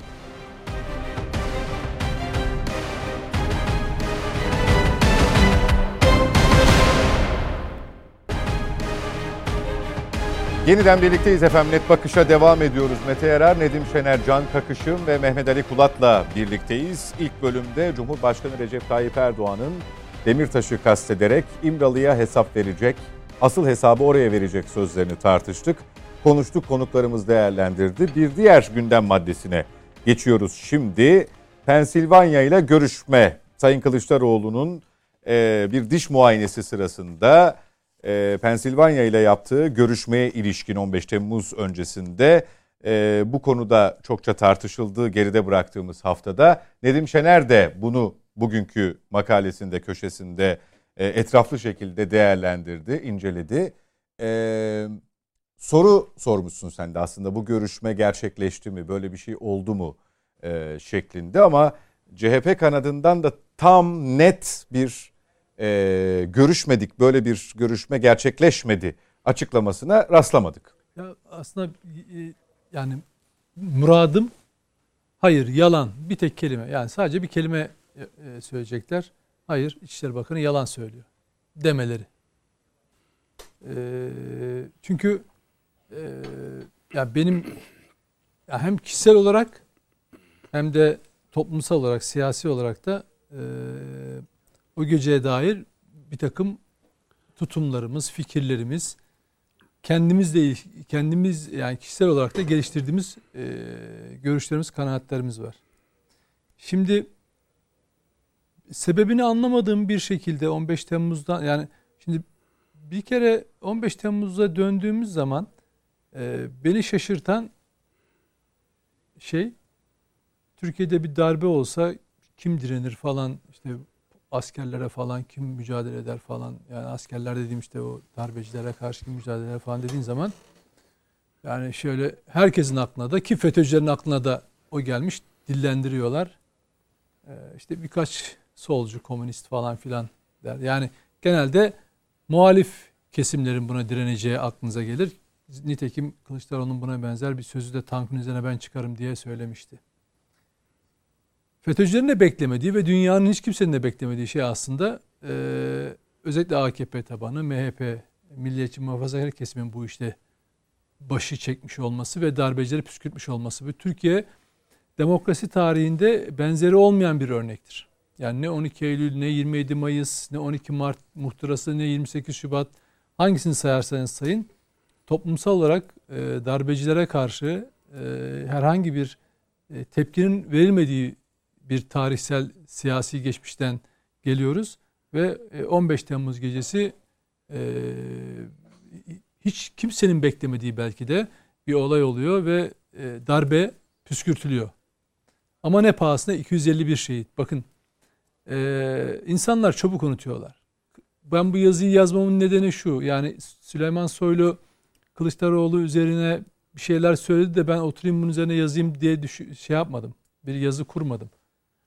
Gene hafta sonunda bir ödül töreninde demokrasi, Türk dünya bir demokrasi krizinde, Türkiye'de bunun tam öbeğinde, işte Türkiye'de gençler demokrasiyi getirecekler falan filan demokrasi lafı. Çünkü bir de, demo, bir de demokrat amcanız diye falan bir klişe şey yaptı. Şimdi Türkiye'de demokrasinin en çok tehlike, en ağır, en sert, en kanlı e, tehlikeye düştüğü gece 15 Temmuz'du. İşte o zaman o sözü söyleyen kişinin 15 Temmuz'da ne yaptığını dönüp bakıyorum. Sonra diğer konular ard arda eklenince o soru haklı, haklılık kazanıyor. Yani diyorsunuz ki kardeşim sen bu darbe girişiminden önce Soylu'nun belirttiği gibi bir dişçi muayenehanesinde, muayenehanesinde Pensilvanya'da birileriyle görüşüp yurttaşı e, isim e, adı geçen konuşmalar yaptın mı? Bu soruya bir cevap ver, vermen gerekiyor. Niye? 15 Temmuz'dan bu tarafa sicilinize bakıyorum ben sizin. O geceki haliniz zaten ortada. İşte bir koltukta oturup kahve içerken sabah çekilmiş fotoğrafınız. Ee, İstanbul'da köprü kapalı olduğu için deniz yoluyla Pendik e, tersaneye götürülmeniz, oradan karayoluyla Ankara'ya geçmeniz ayrı bir fecaat zaten. Oysa havaalanına indiğiniz zaman sadece tank e, orada bulunan zırhlı aracın önüne geçseniz sadece adres sormak için el, elinizi falan kaldırmış olsanız insanlar sizi darbeye direnir zanneder ki, ki bu bile size demokrasi açısından bir puan bile yani şey olarak oy olarak bile dönebilir. Onu bile yapmaktan aciz. Ee, Bakırköy Belediye Başkanı ki o gece başka bir otelde rezervasyonu olduğu halde belediye başkanının evinde geçiriyor güvenli bir ev olarak. E, ardından bunların hepsini geçiyorum. O gecenin şaşkınlığı, korkusu birbirine sokuyor. Oysa 15 yaşındaki çocuklar kendilerini tankın altına atarlarken, mermilere siper olurlarken göğüsleriyle Birisi de böyle davranmış olabilir. Birileri öyle davranmış olabilir. Davrananlar çok vardı. Makarnacı, bulgurcu falan diye aşağılanan insanların o gece can verirken sokaklarda sokağa çıkan diğer ise onlara o iftirayı atanların nasıl marketlerde benzin kuyruk benzin istasyonları kuyruklara girdiğini gözlerimizle gördük. Dolayısıyla e, bunları o gecenin şaşkınlığı korkusuna verebiliriz. Ama daha sonra geçen süreçte hemen e, 15 Temmuz'un hemen arkasından FETÖ'cüler bu darbe değil, bu tiyatro, bu senaryo, Hollywood senaryosu kontrollü darbe falan dediler. Bununla ilgili araştırmalar yayınlandı. Ve nedense bu e, tutum Kılıçdaroğlu tarafından sahiplenildi ve 15 Temmuz Araştırma Komisyonu raporuna da e, şerh olarak yazıldı. Şu, şu olabilir. O gece dedim ya hani insan ne yapacağını bilemez, neyle karşı karşı olduğunu bilemez. Ama Kılıçdaroğlu belediye başkanının evinde e, dinlenirken ya da o geceyi geçirirken arayanlardan birisi Binali Yıldırım. Diyor ki biz halkı sokağa çağıracağız. Siz de partiniz aracılığıyla seçmenlerinizi çağırın sokağa. Demokrasiye karşı yapılan bu saldırıyı püskürtelim falan diyor. Kılıçdaroğlu'nun sözü ya o zaman halkın güvenliğini kim sağlayacak diyor. Zaten halkın iradesi ve halk tehlikeye girmiş. Demokrasi tehlikeye girmiş, meclis bombalanıyor. Ve sen diyorsun ki halkın halkın güvenliğini kim sağlayacak? Zaten güvenliğini sağlayacağını umduğun insanlar darbe yapıyorlar. Dolayısıyla bu tuhaf tutum. Neyse onu geçtim. Sonra kontrollü darbe neden sahiplenildi ifadesi. FETÖ'cülerin çok ağızlarına sakız ettikleri bu tiyatro meselesi niye sahiplenildi onu anlamaya çalıştım. Ya bir maddi temeli var mı diye ben oturdum o e, raporun sağlamasını yaptım ama hiçbir veri bu darbenin bir kontrollü darbe olduğunu göstermiyor. Nitekim zaten ikinci yılından sonra ya bu bal gibi darbe demeye başladılar. O kontrollü darbe lafı unutuldu. Bu kontrollü darbe lafını e, desteklemek için bir başka yalana sarıldılar. Adil Öksüz MİT elemanı diye. Ne üzerinden yaptılar bunu? FETÖ'cü MİT mahrem imamının hazırladığı sahte dokümanlar CHP'ye gönderildi. CHP Genel Başkanı'na gönderildi. Aytun Çıra'ya gönderildi. O zamanki milletvekili ve Aytun Çıray aracılığıyla İzmir Cumhuriyet Savcılığına suç duyurusunda bulunuldu. Adil Öksüz MİT elemanı çünkü bu MİT elemanı çıkarsa MİT kontrolünde bir darbe girişimi tezgahlanmış demektir. O da kontrollü darbe tezini destekleyen FETÖ'cü yalanının aslında vücut bulmuş hali olacaktı. Ama bu da yalan çıktı. Çünkü yakalanan MİT mahrem imamı o belgeyi hangi dokümanlar üzerinden hazırladıklarını kendi itiraf etti. Aynı zamanda MİT'in savcılığa gönderdiği kayıtlarda o dokümanların başka belgelerden alınmış parça parça bilgilerle oluşturulmuş bir yapa yapma fabrikasyon doküman olduğu ortaya çıktı ve takipçi kararıyla nihayete erdi. Şimdi işte bütün bunları ardarda arda koyduğunuz zaman o zaman diyorsunuz ki ya Kılıçdaroğlu bu darbe girişimiyle ilgili bir fikir, bilgi sahibi miydi? Hani ne diyordu? Öngörülen, şimdi kontrol darbeyi nasıl tarif ediyorlardı? Öngörülen, önlenmeyen, önlenmeyen, sonuçlarından yararlanılan. O zaman bu darbe girişimi Kılıçdaroğlu tarafından bilinen, direnilmeyen, saklanılan, başarılı olsaydı sonuçlarından yararlanılan bir darbe mi olacaktı? Ben bu sorunun cevabını arıyorum. Bu şu, şunu diyebilirsiniz. Efendim e, hükümet görmedi mi bilmedi mi yurt dışından da yazılı darbeyi falan. Ben 14 Temmuz günü gelsem sizin kapınıza yarın darbe olacak desem delirdiniz mi falan dersiniz derdiniz bana. Yazılıyordu çünkü daha öncesinde de yurt dışından yazılı kaynaklarda da şey e, dergilerden falan da yazılıyordu. Dolayısıyla bu, e, mesele şu. Bu gerçek olmayabilir. Çünkü e, işte İçişleri Bakanı söylemiştir. Kılıçdaroğlu da çıkar bunu yalanlayabilir. Ama maalesef yalanlamıyorlar. Çünkü ortada buna tanıklık yapmış olan kişi zamanında zamanında FETÖ'cülere de çok yakın olmuş. O zaman o dönemde de Kılıçdaroğlu'nun danışmanlığını yapmış. Şimdi de İçişleri Bakanı Soylu'nun danışmanlığını yapan diş hekimi. Her şey onun yanında ger- gerçekleşiyor. Her şey onun yanında gerçekleşiyor. Bu şu demek değil. Aa, Soylu'nun danışmanı çıktı. E tamam Kılıçdaroğlu'nun da danışmanı zaten. O zaman da Kılıçdaroğlu'nun danışmanı. Ama daha öncesinde de zaten FETÖ kaynaklı haberleri paylaşan belli ki bu gruplara yakın olmuş birisi. Şimdi mesele şu onun kimliğinden de ziyade ben hep şuna bakıyorum. Bu doğru mudur değil midir? Çıkacaksınız diyeceksiniz ki sizinle benle ilgili Böyle herhangi bir bir şey... var mı yok mu? Sen sizin benim hakkımızda herhangi bir iddia olsa tek kelimeyle yalan kardeşim ispatla dersiniz. Bu iddiayı ortaya atanı e, e, hukuk yoluyla e, hakkınızı ararsınız olur biter. Ama maalesef o yapılmıyor. Onun yerine her zaman olduğu gibi kendilerine herhangi bir konu geldiğinde mesela siyasi cinayetler işlenecek. Hatırlayacaksınız burada konuştuk. Yapılan şey şu. E, Erdoğan bunun hesabını versin. Ya da mesela e, ifadesini alın diyor. Mesela Semra Güzel HDP'li e, şey milletvekili açılım sürecinde fotoğrafı çıkmış. E, PKK'larla çektirmiş. E o zaman açılım sürecinde e, muhatabı şey Erdoğan. Dolayısıyla bu soruyu ona sorun. E peki kardeşim Demirtaş'ın suçu ne diyorsun? açılım sürecinde Kobani bahanesiyle 37 kişinin ölümüne sebep olmuş bir terör yardakçısından bahsediyoruz. Demirtaş isimli. E sen ikide bir bunun suçu ne? Niye içeride deyip duruyorsun. Ona sahipleniyorsun buna neye sahiplenmiyorsun?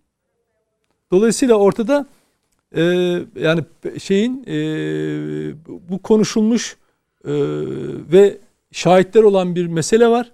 Bu meseleyi en azından şöyle e, bu, hani soruyordunuz ya bu darbeyi biliyor muydunuz biliyor musunuz niye önlemediniz falan filan o zaman şunu sorarlar şu soru gündeme geliyor canlı olarak kardeşim 15 Temmuz öncesi FETÖ'cülerle herhangi bir konuşman oldu mu bu içerikte? Bunu açıkla işte danışmanının reddetmediği bir görüşme var. E, bu çünkü hani ileride hiçbir şey hiçbir şeyi göstermez bana. Kılıçdaroğlu'nun şu olduğunu, bu olduğunu falan göstermez. Benim zaten onlar hakkında fikri, olgular her şeyi birbirini e, birleştiriyor. Yani o gece zaten oturup da sokağa çıkmamış, halkın yanında olmamış birisi benim açımdan herhangi bir anlam ifade etmiyor. Dolayısıyla e, bunun netleştirilmesi de e, Kılıçdaroğlu'nun bizzat kendisine kalıyor. Peki. Mehmet Ali Bey siz ne düşünüyorsunuz bu konuda?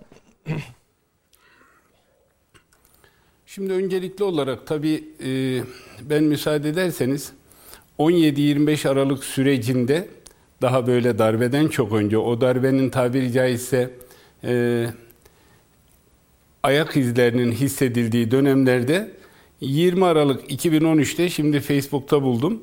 Bir şey paylaşmışım. Buradan bir yere geleceğim. İyi bir film karanlıkta seyredilir. Sinemalar onun için karanlıktır. Lakin bu filmin sahnesi, ekranı da şimdilik karanlık. Nedense bu filmin daha ilk sahnesinde sıkıldım. Niye mi biz bu filmi daha önce çok gördük? Tek fark kapıdaki afiş.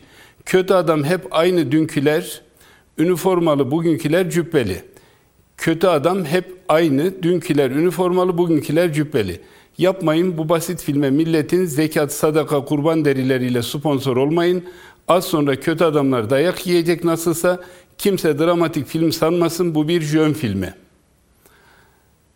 20 Aralık 2013. Yani daha 25 Aralık olmamış. Şimdi Türkiye'de FETÖ darbe darbesi darbe olarak olacak mı olmayacak mı tabii o tarafını bilmiyorduk ama belli ki ülkede bir şeyler çevriliyordu. Yani ülkedeki bir kısım aydınlara karşı bir e, işte Ergenekon kumpası çevrildi. Türkiye'deki saygın bir sürü insana karşı tavırlar oluştu. Türkiye'deki askerlere karşı bir kısım kumpaslar çevrildi.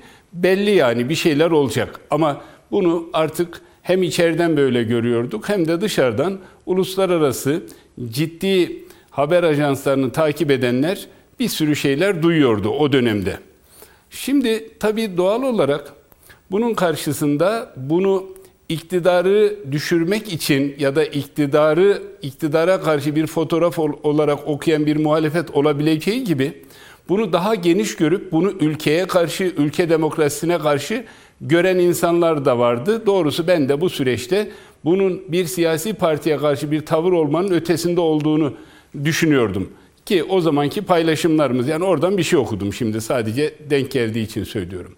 Şimdi Sayın Kemal Kılıçdaroğlu bir muhalefet partisi genel başkanı doğal olarak o süreçte gördük ki 17-25 Aralık sürecinde bunu siyasi anlamda e, kendilerinin lehine bir şey olarak okumuş olabilir. Yani o meseleyi sadece Türkiye'nin geneline karşı bir fotoğraf değil de iktidara karşı bir şey olarak okumuş olabilir. Hangi meseleyi O da pardon? bir pragmatist yaklaşımla yani 17-25 e, Aralık'tan bahsediyorum. Darbe sürecinden önceki yapıdan bahsediyorum. Çünkü o, o dönemde hükümet bir kısım adımlar attı peş peşe.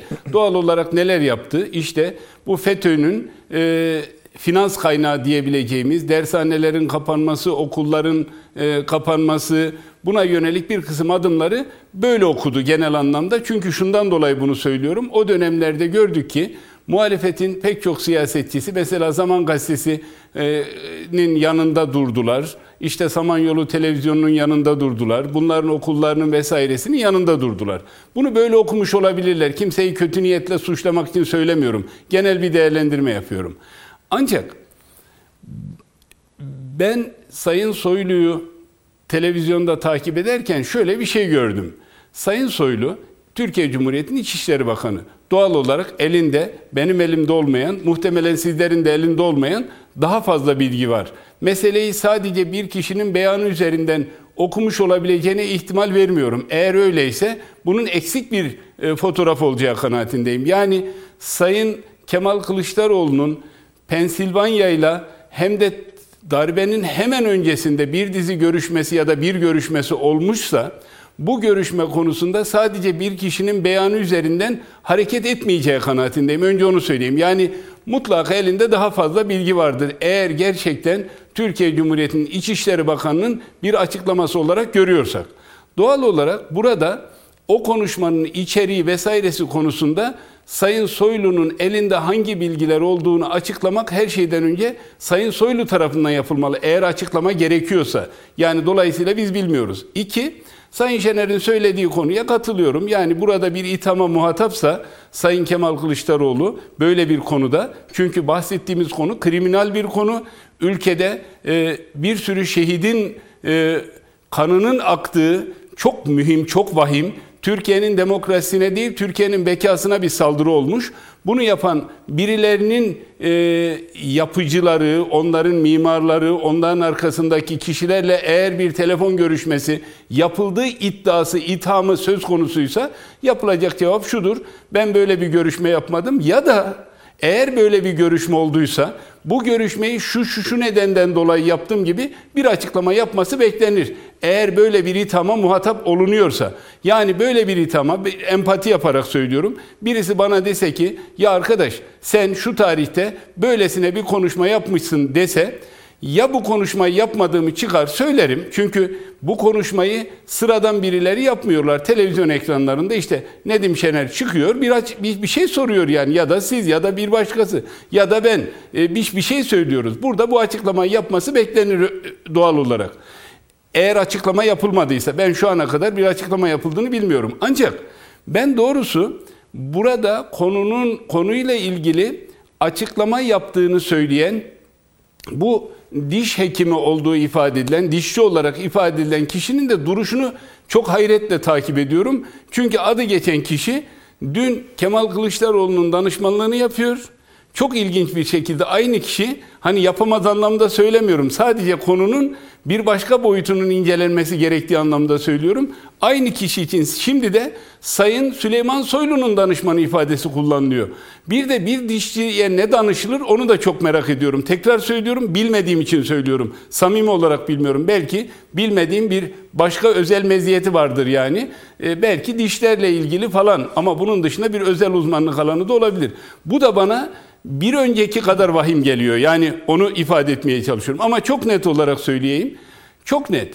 Yani böyle bir ağır itham. Çünkü bu normal bir şey değil. Tekrar söylüyorum.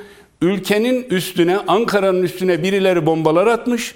Bu memleketin çocukları şehit olmuş. Bu memleketin her görüşten insanları sokağa çıkmışlar ve devletinin yanında durmuşlar.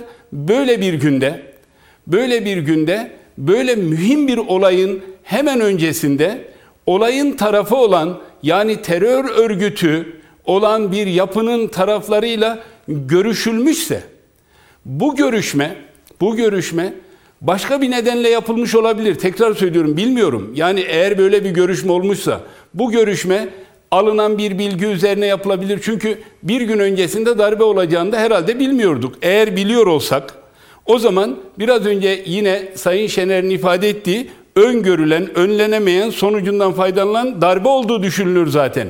Demek ki bilinmiyor. Yani devlet böyle bir bilgiye sahip değil. Devlet böyle bir bilgiye sahip değilse, tekrar söylüyorum, sahip olursa bu öngörülen, önlenemeyen, sonucundan faydalanılan darbe olur ki bunu bu ülkeye yakıştıramam. Ben hiçbirimiz yakıştırmayız. Eğer bilinmiyorsa ki bilinmediği ortada, iktidarın bilemediği bir şeyi muhalefet bilmiyorsa ya da biliyorsa bu noktada muhalefet bir adım atıyorsa ya da muhalefet partisi adına değil bireysel olarak herhangi bir kişi bu konuda bir bilgi alıyorsa yapması gereken iki şey var. Eğer darbeye ait bir bilgi varsa devletin bir kurumlarını bilgilendirmek gerekir. Eğer bir darbeye ait bilgi değil de başka bir görüşme varsa bu görüşme konusunda bir açıklama yapmak gerekir. Ancak asıl sorulardan bir tanesi bu dişçinin vermiş olduğu bilgiler dişçinin telefonları dinlenmekte midir? önemli noktalardan birisi. Telefonu dinlenmiyorsa dişçinin yani ilgili arkadaşı da gerçekten tanımıyorum bilmiyorum. Tanınmıyorsa sadece beyanı üzerinden bu değerlendirme yapmak doğru mudur? Son derece kolay bir şey var orada. Kolay olan nokta şu. Adı geçen te- kişinin telefon numarasının herhalde işte bugünkü teknik e, geriye dönük ki- kiminle hangi Takibi. saatte kaç dakika konuşulmuş adı geçen dişçi bunu önümüze koysun. Biz de diyelim ki kardeşim burada böyle bir görüşme oldu diyelim. Ötesi zan olur. Ötesi e, muhtemelen güzel olmayan bir noktaya gider diye düşünüyorum. Peki teşekkürler. Ee, Mete Erer sen ne düşünüyorsun bu konuda? Ee, 17-25 Aralık hatırlatması ve sonrasını gündeme getirdi Sayın Mehmet Ali Kulat. Valla ben şöyle söyleyeyim. E, zan altında olur tabirinden e, aslında bu ilk zanı kaldırması gereken Sayın Kılıçdaroğlu'nun kendisiydi. Yani ilk kontrollü darbe diyerek e, Türkiye'de şehitlere ve gazilere yapılmış en büyük hakaretti. Onları da eğer bu bir tiyatroysa onları da figüran haline dönüştürdü. Yani o gün sokağa çıkanların, milyonların aslında yaptıklarını yerden yere vurduk. Ya önce bu düzeltme için kendisinin özür çıkıp özür dilemesi gerekiyor. Çünkü aradan yıllar geçtikçe bu bal gibi de darbeye geldi. Arkasından bugün yazında da sen bahsediyorsun. En sonki konuşmasında beraber e, darbeye önledeye geldi öyle değil mi? Evet. Yani son buraya geldi. İyi de eğer bu darbe ise ve darbeyi önlediyseniz kontrollü darbe nereden geldi? Tiyatro O- nereden geldi? Tiyatro, e, bu bir tiyatrodur nereden geldi? Şimdi önce onun ondan bir yani oradan başlayarak bir e, başlayalım. Yani benim hiç kabullenemediğim, şimdi kendisini demokrat amcı olarak nitelendiriyorsa, e, bir ülkede demokrasi için yapılabilecek en büyük mücadele nedir sizce diye tabir etsem herhalde darbeye yani silahlı bir kalkışmaya e, Türkiye Büyük Millet Meclisi'ni ayakta tutabilmek için direnmektir dersiniz değil mi? Yani onun önünde şehit olmaktır dersiniz değil mi? Yüce Me- Meclis, Gazi Meclis dersiniz değil mi? Budur yani e, dünyanın her tarafında demokrasiyi ayakta tutabilecek.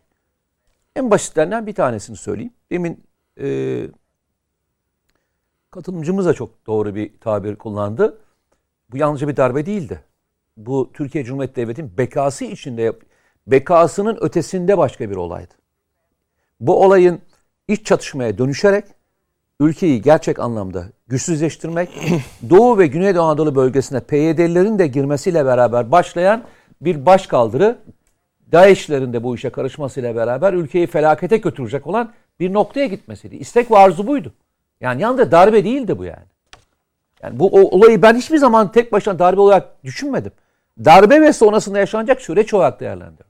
Şimdi ya demokrasi ise e, bu mücadele ise bu tabirlerse yalnızca oraya çıkanlar yalnızca demokrasimizi değil aynı zamanda bugün mecliste bulunmanın da temel şartlarını sağladılar.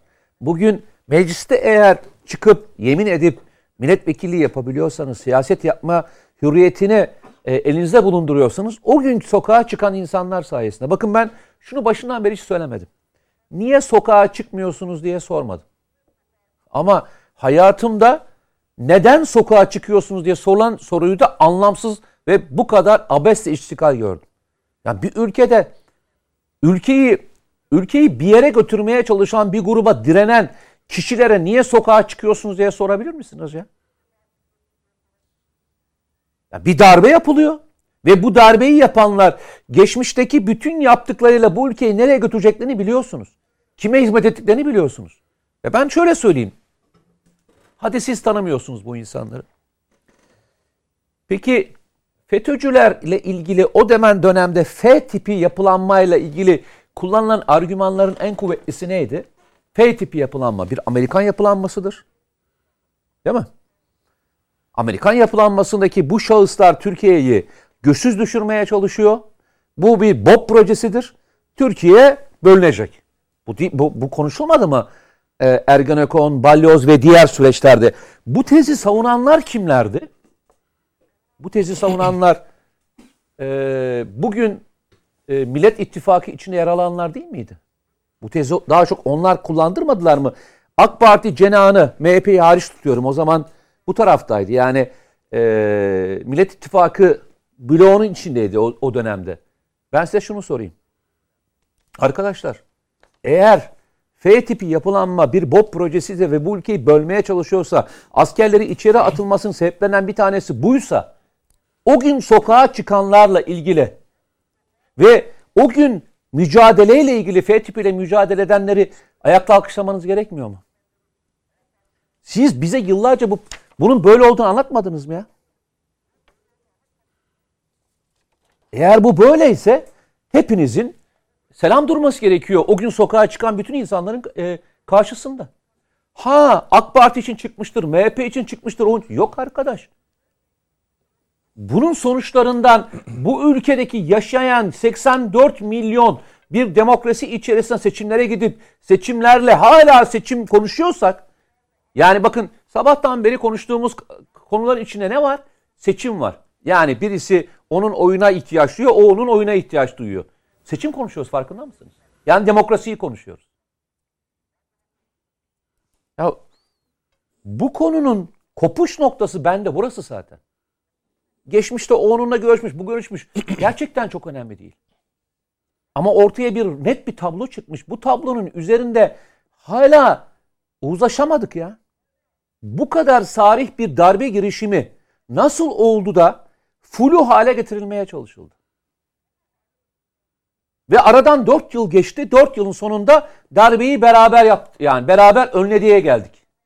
Darbeyi beraber önlediğe geldik. E peki 4 yılda e, bu ülkede e, bu e, sokağa çıkan insanlar için sarf edilen sözleri ne yapacağız?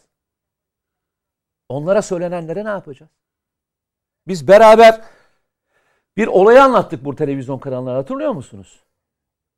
Batuhan'dı değil mi? Batuhan askerden yeni gelmiş. O gece babasının daha yeni aldığı motor değil mi? Daha yeni bir motor almış. Çok istediği bir motor. O akşam çatışmalar başlayınca daha doğrusu çatışmalar diyorum. Darbeciler e, köprüyü işgal edince insanlar oraya doğru yürüyünce Batuhan da motorunu atlayıp e, şimdi motoru bırakıyor şey. Yani şey e, ne diyor? Ne diyor? İşte şimdi makarna ve şey kuyruklarına girmek değil, vatanı kurtarmakla evet, ilgili evet. bir tweet atarak oraya gidiyor. Evet. Arkadaşlar bu delikanlılar o gece oraya gittiler. Yaşları çok çok ufaktı. Daha evlenecekler, onu yapacaklardı, bunu yapacaklardı. Tek bir amaçları vardı. AK Parti, MAK Parti, MHP falan değildi. Vatan. Bu adamların ne olduğunu biliyorlardı çünkü. Peki ben bir şey soracağım. Bu yaşadığımız süreç içerisinde tiyatro, darbe söylentileri sonucunda babasının, annesinin uğradığı olayları hatırlıyor musunuz? Nedim yazdı onu. Babası e, isim vermeyeceğim e, bir ilçemizin, güzide bir ilçemizin de esnaflık yapan bir insan. Bir gün babası ziyareti, babasını ziyarete gittiğinde babasının kendisine söylediği şey şu. Normalde bir şehit babası dediğinizde ayağa kalkarsınız. O geldiğinde ayağa kalkarsınız. Söylediği kelime ne? Benle ilişiyi kestiler diyor. Benle alışverişi kestiler diyor. Niye kestiler? O günkü söylemlere bakın. O günkü konuşmalara bakın. O günkü aşağılamalara bakın. Nasıl özür dileyeceksiniz bu insanlardan? Ben hala oradayım biliyor musun? Bana karşı hiç özür dilemesine falan gerek yok ya. 250 insan anasını, babasını, kardeşini, kız kardeşini, e, evladını kaybetti o gece. Önce onlardan başlayın özür dilemeye. Önce belalık isteyin ondan sonra. Sonra bacağını, kolunu kaybeden, onlarca ameliyat olan insanlar Gazilerden. var. Önce gazilerden bir özür dileyin. Ben daha şeye gelemedim bak. O akşam konuştu konuşmadı falan değilim. Yerlerine hepsini koyarsınız. Devlet e, gereği neyse yapar. Ama ben hala şeyin boynum bükük biliyor musun? Nedim o, Şener söylemişti ya bu helalleşme söylemi çıktığında ilk oradan başlayın diye aslında. Evet. Sen de bir nevi ona işaret ettin. Ya ben evet. ya arkadaş darbeyi beraber önledik lafından önce bir özür gerekiyor bu ülkeye. Çünkü onlar o günkü konuşmalar yüzünden o sokağa çıkanlarla ilgili neler söylendi bu ülkede? Şehitler için neler söylendi? Gaziler için neler söylendi? Neler söylendi bu ülkede? Ve bunun en güzel örneklerinde Batuhan'ın ailesi. yaşadı bunu. Öyle uzak yerlerde falan değil. İstanbul'un en güzide mahallesinde yaşadı bunların hepsini. Yazık değil mi ya? Siz koydunuz hedefe. Ben koymadım. Yazık değil mi? Ben daha oraya gelemedim bak. Ben hala oradayım. Ben oradan başlayacağım. Ben oradan hala orayı bir halledeceğim. Sonra buralara geleceğim. Ben hala rahat nefes alıyorsam, evine giriyorsam, çocuğumu mocuğumu sevebiliyorsam ve hala Türkiye Cumhuriyeti vatandaşı olmaktan övünebiliyorsam o 251 tane vatan evlatını ondan sonra gazilerimiz ve sokağa çıkan insanlar sayesinde yapıyorum. Önce bunun hesabı sorulması lazım. Peki. Can Bey'e geçeceğim. Ee, oraya gelemedi Mete Bey ama ben e, oradan gitmek sorunun e, ve konunun temeli bu çünkü. Oradan gitmek durumundayım. Hı hı. Ee, Oda TV e, ulaşıyor e, Sayın Özdey Bey'e ve e, doğrulanmasını ya da yalanlanmasını talep ediyor. Özdeybek de konuyla ilgili konuşmayacağını belirtmekle beraber bu görüşmenin yapıldığını Sayın Kılıçdaroğlu ile Pensilvanya görüşmesinin iddia edilen bu görüşmenin yapıldığını reddetmiyor. Yani şimdi aslında Mehmet Ali Bey çok güzel bir yerden girdi. Bu beyefendi neden bu kadar önemli bunu ben de anlamış değilim. Neden e, insanlar paylaşamıyor bunu aman gel benim danışmanım ol diyorlar bunu anlayabilmiş değilim.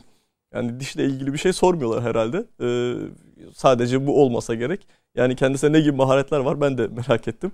Ve işte öncesinde Kemal Kılıçdaroğlu'nun danışmanlığı yapmış. E, sonrasında Süleyman Soylu'nun danışmanlığı yapmış. Nereden nereye geçmiş? Bu benim için de bir merak konusu. Ha, şu anda söyledikleri de yalnız Süleyman Soylu'nun e, danışmanı olarak ve e, AK Parti MYK yedek üyesiymiş bildiğim kadarıyla, öğrendiğim kadarıyla. E, bu çerçevede de değerlendirilmesi gerekir. Yani dolayısıyla böyle siyaseten çok tarafsız bir açıklama olduğunu da düşünmemek lazım diye e, ben e, düşünüyorum.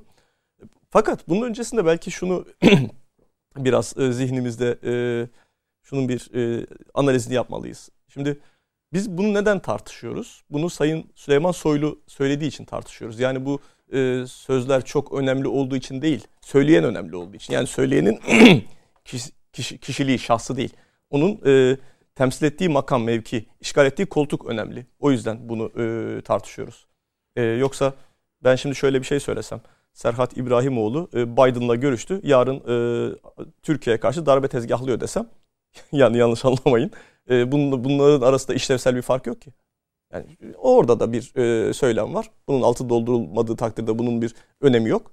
Burada da bir e, söylem var. Öyle söyledim geçtim diye de siz bunu e, yapamazsınız. Çünkü siz bunu yaparsanız eğer iddia sahibi olarak e, iddianızın altını doldurmamışsınız demektir. Bu da sizi suçlu duruma düşürür. Bakın ben az önce hem e, Sayın Şener hem Sayın Kulat değindi. Ona katılıyorum. Yani burada bence de Sayın Kılıçdaroğlu'nun çıkıp bununla alakalı e, hakkını araması gerekir. Şöyle şimdi e, burada sizin e, saygınlığınıza, onur ve şerefinize yönelik eğer ciddi bir hakaret söz konusuysa ki öyle olduğu tartışma götürmez. Hemen 15 Temmuz'dan önce böyle bir e, görüşmenin yapıldığını söylüyorsunuz. Yani bu şu demektir. E, Sayın Kılıçdaroğlu'nun e, bu darbe girişiminden e, bunda, bunun gerçekleşeceğinden haberi var Haber- demektir. haberdar evet, olduğu. Bu haberdar olduğu anlamına gelir. Eğer size böylesi e, ciddi bir suçlama e, yapılıyorsa siz buna karşı gayet tabii ki e, hakkınızı aramak durumundasınız. Ama bakın burada tekrar söyleyeceğim. Şimdi e, eğer siz burada böyle bir görüşmenin yapıldığını biliyorsanız ve buna göre buna rağmen gerekeni yapmamışsanız İçişleri Bakanı olarak sorumlusunuz, suçlusunuz, hatalısınız. Eğer böyle bir şeyin altını doldurmadan gündeme getiriyorsanız kişileri zan altında bıraktığınız için yine suçlusunuz. Yani Yani dolayısıyla Kemal Kılıçdaroğlu'nun Sayın- olduğu gibi yani. E, şunun için söylüyorum. Şimdi Sayın Kılıçdaroğlu'nun kesinlikle hakkını araması gerekir. Bu konuda Kemal katılıyorum. Kılıçdaroğlu'nun söylediği ama bir türlü altını dolduramadığı bütün iddialar gibi. diyorsun. Ya bilmiyorum onu Yok, neyi kastettiğinizi anlamadım da. ya? Neyi kastettiğinizi E anlamadığım ben tek için. tek sayayım isterseniz. Bir, kontrol darbe. Hı hı. Herhalde ben doldurmayacağım kontrol darbeyi. Değil mi? İki, e, 40 tane milletvekili, 4 tane bakan e, baylok kullanıyor. Bunların listesini açıklayacağım. Arkasından siyasi suikastler. Değil mi? Bunlar çok önemli iddialar. En son e, geçen gün konuştuğu e, ve söylediği e, çok önemli iddialardan bir tanesi hatırlıyorsun neydi? E, bütün Türkiye'deki bütün belediye başkanlarımızı e, dinliyorlar. Burada e, şöyle bir ayrım yapabiliriz galiba. Şimdi kişinin e, kendisini, şahsını hedef alan bir söylem varsa o kişi buradan yola çıkarak hukuksal olarak hakkını arayabilir. Evet. Sizin söylediğiniz şu bağlamda e, anlaşılabilir. Diyorsunuz ki böyle bir sözü söylediyse eğer Kılıçdaroğlu bunun arkasını doldurdu, doldursun diyebilirsiniz. Ancak burada işlevsel olarak şöyle bir fark var. Şimdi e, Sayın Kılıçdaroğlu'nun söylemi tek bir kişiye hedef almıyor. Ama burada daha da Sayın Kılıçdaroğlu'nu hedef keşke, alan. Hayır, şunu daha da kötü ya. Sayın Kılıçdaroğlu'nun bizzat kendisini bundan dolayı e, mağdur edildiğini düşünüp kendi şahsı adına bir hukuksal süreci başlatabilme gibi bir yönelimi olabilir. Olmalı diyorum. Ama buradaki tabii temel mevzu yine şu. Yani şimdi İçişleri Bakanı ne için vardır? Ülkede hukukun üstünlüğünü sağlamak, güvenliği sağlamak, istikrarı sağlamak için vardır değil mi? Ama ben Sayın e, Süleyman Soylu'nun açıklamalarına baktığımda sürekli bir istikrarsızlık sembolü olarak kendisini değerlendiriyorum. Yani kendisinin Mesela? her söyleminde yani Türkiye'de e, sorunları daha fazla kızıştıran, daha fazla tartışmaları alevlendirecek bazı e, yaklaşımların olduğunu görmekteyim. Yani en basitinden çok şey olduğu için, somut olduğu için söylüyorum. 10 bin dolar alan siyasetçi varmış. Sayın e, Soylu bununla alakalı ben gere, e, şey e, savcılara da bununla alakalı şey yapacağım, e, bildirimde bulunacağım dememiş miydi? O yayında söylemedi. Herkes bunu bekledi. Sonradan 5 e, ay 6 ay geçti. Bunu yine dile getirmedi. Savcılara ileteceğini söyledi. Bilmiyoruz. Ben mesela benim e, böyle bir vekilimin olmasını istemem. O vekil sadece e, AK Parti'den veya CHP'den veya neyse MHP'dendir. Hiç bilmiyorum. Ama e, benim oy vermediğim bir partinin de vekili olsa o benim vekilimdir. Ve e, beni temsil etmek için oradadır. Dolayısıyla öyle bir kişinin beni temsil etmesini istemem. Bununla alakalı Sayın Soylu bir açıklama yapıyor mu? Şimdi bunu e, şu bağlamda anlamak gerekir.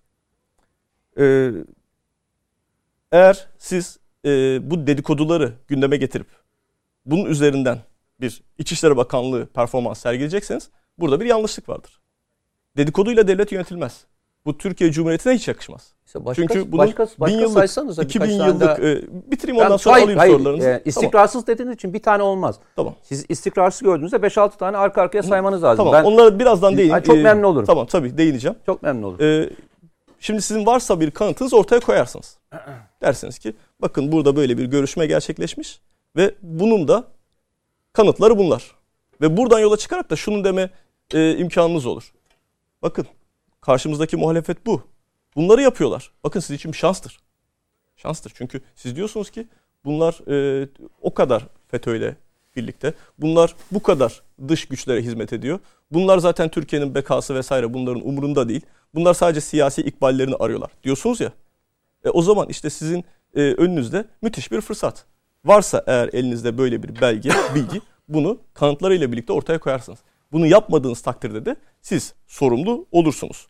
Peki ee, Sayın Kılıçdaroğlu'nun ya da CHP'den e, bu açıklamaya yönelik bir cevap gelmemesini siz e, hakkını aramalı diye değerlendirdiniz evet, evet. ama mesela kale almıyorlar gibi bir şey kale almıyorlar ya gibi bir şey şimdi şöyle biraz biraz sanki öyle bir e, görüntü var burada. Yani her Ama e, şimdi her söylemi kontrollü her söylemi darbe, tiyatro, tabii, tabii, işte Bakırköy Belediye Başkanı'nın evinde her, her söyleme cevap yetiştirmeyi belki e, siyasi e, iletişim açısından yararlı görmüyor olabilirler. Bunu Ama çok fazla bu normal bir şey değil bahsettiğimiz. Tabii, yani bir şöyle, darbe girişiminin öncesi sırası ve sonrasından bahsediyor. Tabii, yok ben zaten onu söyledim. Hukuksal olarak bence hakkını aramalı Sayın Kılıçdaroğlu. Belki bununla alakalı bir e, şeyleri, girişimleri de vardır. Bunu bilmiyorum. Ama siyasi iletişim açısından şunu önemsiyorum. E, bunun uzmanı değilim. Ama şöyle bir bakış açıları da olabilir. Şimdi size bir ithamda bulunuluyor. Siz buna cevap verdiğinizde o konu uzamış oluyor. Ve insanların zihninde bu kalmış oluyor. E, dolayısıyla bunun e, gündemde kalmamasını tercih etmiş de olabilirler. Siyasi iletişim bakımından böyle bir karar almış olabilirler. Ama, ama tekrar işleyecek. ama tek onu onu çok fazla bilemiyoruz işte. Tekrar söylüyorum. Siyasi iletişim açısından alınmış bir karar olabilir. Bunun daha fazla konuşulması durumunda kendilerinin daha fazla zarar göreceğini düşünüyor olabilirler. Şunu hayır şunu soruyorum. Şimdi yalan böyle bir şey yok. Hı hı. Ben böyle bir görüşme yapmadım. Hı hı. Dediği andan itibaren Sayın Kılıçdaroğlu biz bile burada konuyu farklı şekilde konuşacağız. Hı hı. Nedim Şener böyle bir yazı yazmayacak. Hı hı. Ee, niye tam emin değilim dediniz orayı anlamaya çalışıyorum ne, ha, şunun için söylüyorum. Aleyhte ee, lehte tamam. Tamam şunu, şunu söylüyorum. Diyorum ki be, bence az önce de ifade ettiğim gibi hukuksal olarak kesinlikle hakkını aramalı. Buna e, bu konuda e, net bir şekilde duruşumu ifade edeyim. Fakat e, siyasi, siyasi iletişim olarak. açısından Hı-hı. diyorum buna cevap vermenin vermemekten kendilerine daha fazla zarar getireceğini düşünmüş olabilirler diyorum. Bunun uzmanı değilim diyorum. Çünkü e, bu konu sonuçta e, çok ciddi bir suçlama ve e, eğer siz bunu e, kale alıp cevap cevap verseniz bu sefer Sayın Soylu başka bir şey diyecek. Belki bu e, tabii iktidarın e, medya üzerine ciddi bir gücü var. Farklı şekillerde e, devam ettirilecek. Hem o ekonomi gündemi diyoruz ya hem o gündemin biraz değişmesine vesile olacak. Hem de insanların zihninde hiç yoktan yere bir soru işareti belki yaratılacak. Ben benim emin olmadığım şu, emin, emin değilim dediğim şu. Ben burada neyi düşünüp bunun kararını verdiklerini bilmiyorum. Böyle bir şey düşünmüş olabilirler diyorum. Ama ha bu arada şunu da e, söylemeyeyim sizin şahsınıza hedef almıyorum ama e, yani Kılıçdaroğlu hayır böyle bir şey olmadı dese ben yine de bu tartışmanın sönümleneceğine inanmıyorum. Yine de devam ettirileceğinden eminim. Sönümlenmez bilakis başka bir yere geçer. Evet yani ben hayır böyle bir şey asla yaşamadım ben böyle bir görüşme yapmadım dese bu konu yine bitmez. Ha, dolayısıyla yani siz az önce dediniz ya hayır dese zaten bu konu bitecek. E, Nedim, Nedim Bey yazı yazmayabilir ama hani evet, yazı yazılmayacak. Evet, yani bu pardon. tartışma devam edebilir. Dolayısıyla bunu yazma, bunu söylememeyi, bunun bu tartışmayı devam ettirmemeyi e, kendi çıkarları açısından uygun görmüş olabilirler diye ben e, düşünüyorum. E, dedikodular üzerinden insanları hedef göstermemek gerekiyor. Bakın e, bu siyasi parti liderleri için de müthiş bir sorumluluk. Hele ki onlara yönelik. Onlar çünkü kitlelerin temsilcisi. Böylesi söylemlerden, böylesi eylemlerden uzak durmak gerekir. Benim düşünceme göre e, Sayın Soylu'nun bu tavırları bir nevi böyle AK Parti'nin içerisinde bulunduğu siyasi sıkışmışlığın bir ifadesi. Çünkü e, oy oranlarına baktığımız zaman AK Parti e, kuruluşundan beri herhalde en düşük e, rakamlara gerilemiş durumda. Ve bunun e, partide yarattığı bir rahatsızlık var. Hani bir oyun e, şeylerinde terminolojisinde bir laf vardır. Bütün tuşlara basıyorum oyunu geçmek için falan derler gençler. AK Parti de böyle bir şey yapıyor. Bütün tuşlara basıyor şu anda. Bir yerden bir şey yakalamaya çalışıyor. Ama attığı adımlar sonucunu bulmuyor, karşılığını bulmuyor. Puan kaybettiriyor bence. Ve Sayın Soylu'nun söylemleri daha da fazla puan e, kaybettiriyor. Ve aynı zamanda şöyle de ifade edeyim. E, Sayın Soylu'nun şimdi burada tabii benim e, bir istihbarat ağım yok ama az çok biz de bu e, programlara gele gide e, insanlarla tanıştık. AK Parti içindeki insanlarla tanıştık. Şunu biliyorum. Bakın e, tahmin ediyorum değil biliyorum. E, AK Parti içerisinde de Sayın Süleyman Soylu'dan e, şikayetçi olanların sayısı öyle azımsanacak düzeyde değil. Yani onun çekirdekten yetişme bir AK Partili olmamasına rağmen bu kadar fazla ön plana çıkması, neredeyse Sayın Erdoğan'dan sonra ikinci isim gibi kendisini bir şekilde inşa etmeyi başarması e, ciddi bir rahatsızlık konusu orada da. Ve bu söylemleriyle e, muhalefeti güçlendirdiğini söyleyenler, bunu ifade edenler de çok. Sayın Yarar benden örnek istemişti. Mesela şöyle bir örnek hatırlıyorum. Ben onu o zaman şeyde paylaşmıştım. E, sosyal medya hesabında o yüzden hatırlıyorum. E, belki hatırlarsınız bir kamyoncu, bir emekçi bir vatandaşımız. Sadece bir şey yaptı. E, eleştiri videosu çekti. Türkiye'deki demokrasinin eksikliğiyle alakalı bir şey söyledi. Ve Sayın e, Süleyman Soylu bununla alakalı açıklama yaptı. Bu kişiye gözaltına alındı falan. Ne yapmıştı ki? Sadece eleştiri yaptı. 26. madde çerçevesinde Anayasanın 26. maddesi fikir ve ifade hürriyeti çerçevesinde bunun kesinlikle doğal kabul edilmesi gerekir. Veya mesela şu Boğaziçi eylemlerinde şu kadar terörist var, bu kadar şunlar şu üyesi, bunlar bu üyesi. Bakın hemen o insanları ötekileştirmeye dönük bir tavır. Şimdi Şubat'ta oldu değil mi bu Boğaziçi eylemleri? Şubat 2021 tarihinde. Orada neler söylenmişti? 100 atıyorum hatırlamıyorum da 100 e, tanesi PKK üyesi, 50 tanesi MLKP üyesi, 20 e, tanesi FETÖ'cü falan filan bunları e, dağıtmışlar. Hatta şey diye de devam ettirmişler.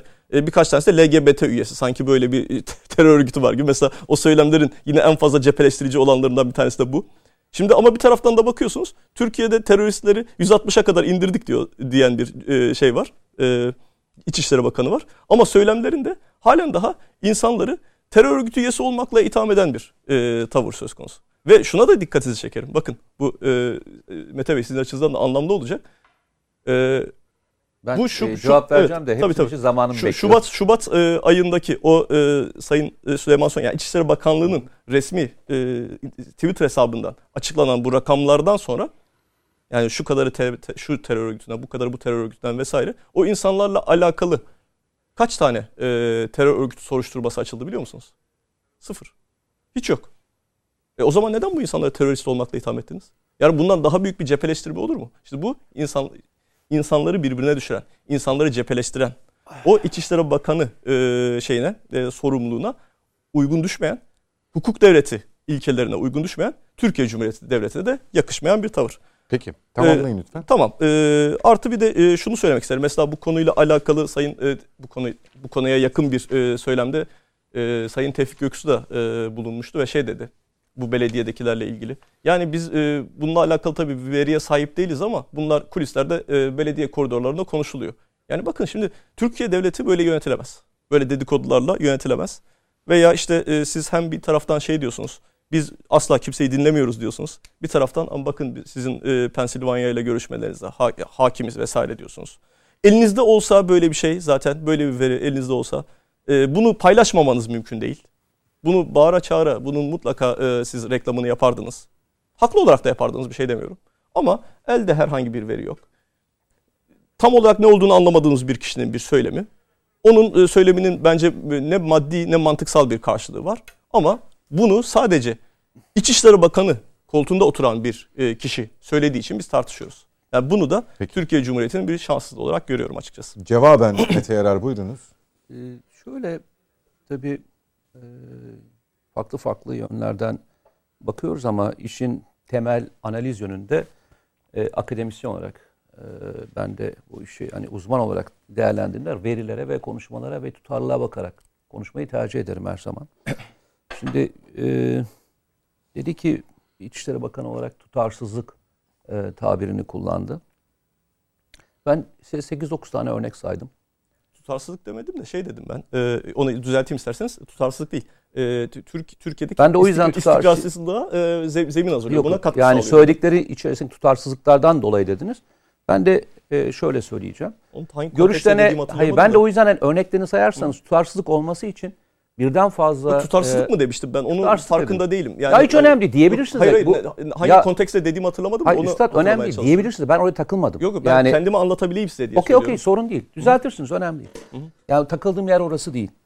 Tutarsızlık için insanların böyle arka arkaya cümleler e, kurması gerekiyor. Hı -hı. Ben demin e, özellikle sordum. Ben ana muhalefet partisi liderini. E, bütün bakanlıklardan daha çok önemserim.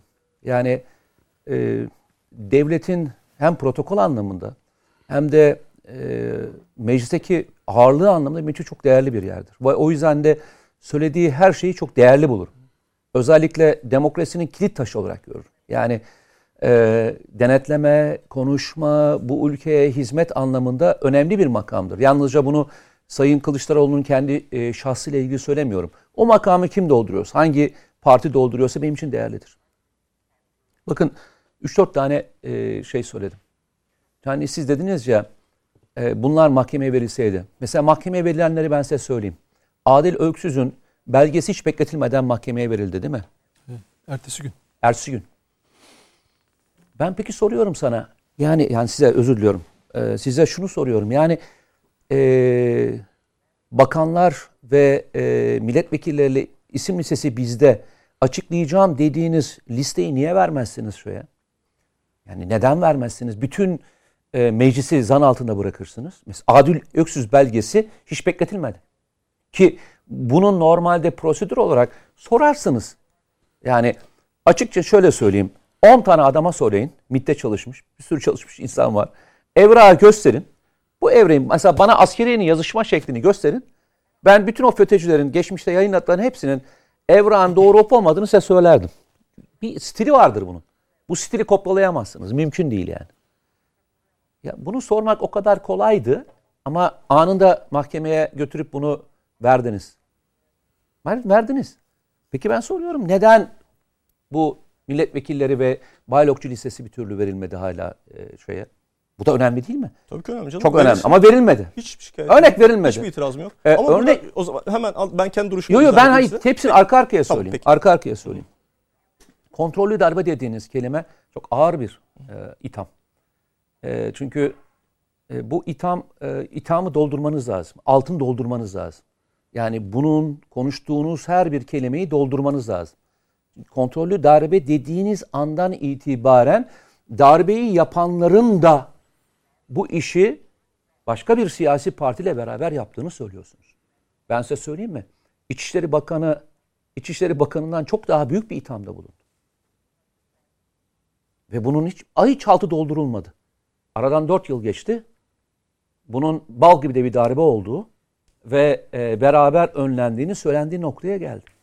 Şimdi sizce e, bunun etkileri e, bırakın Türkiye'de Avrupa'da da Amerika'da da en çok kullanılan argüman oldu.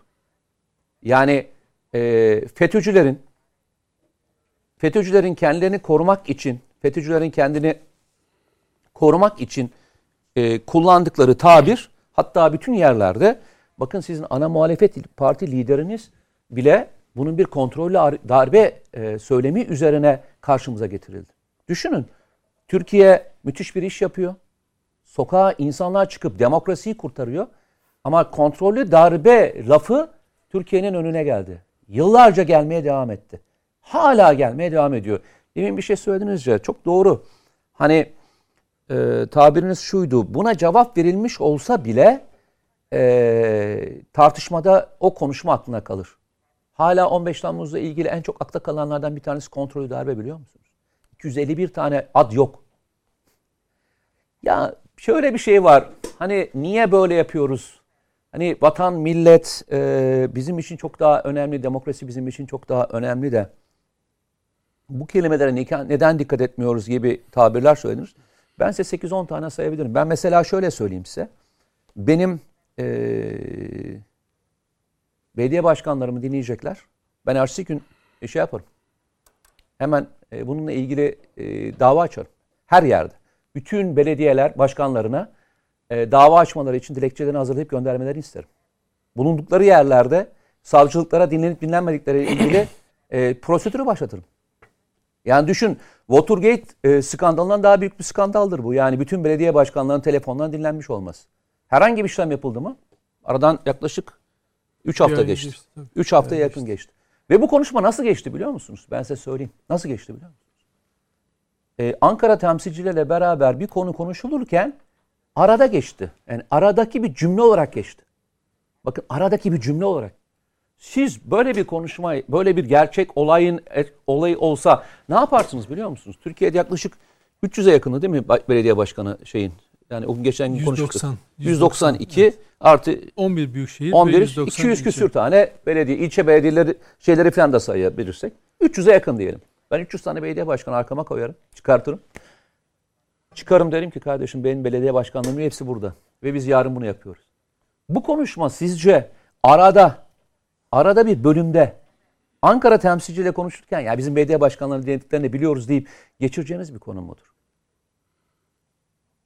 Bakın herhangi bir birimize herhangi bir birimize bir şey söylendiğinde Orada ben bir şey ekleyeyim. Ben Özür orada dilerim. toplantıda gazeteci olmuş olsam yani ben böyle şeylerde hani hassasiyet gösteriyorum bazen. Yani olabildiği yani bulunuyorsam.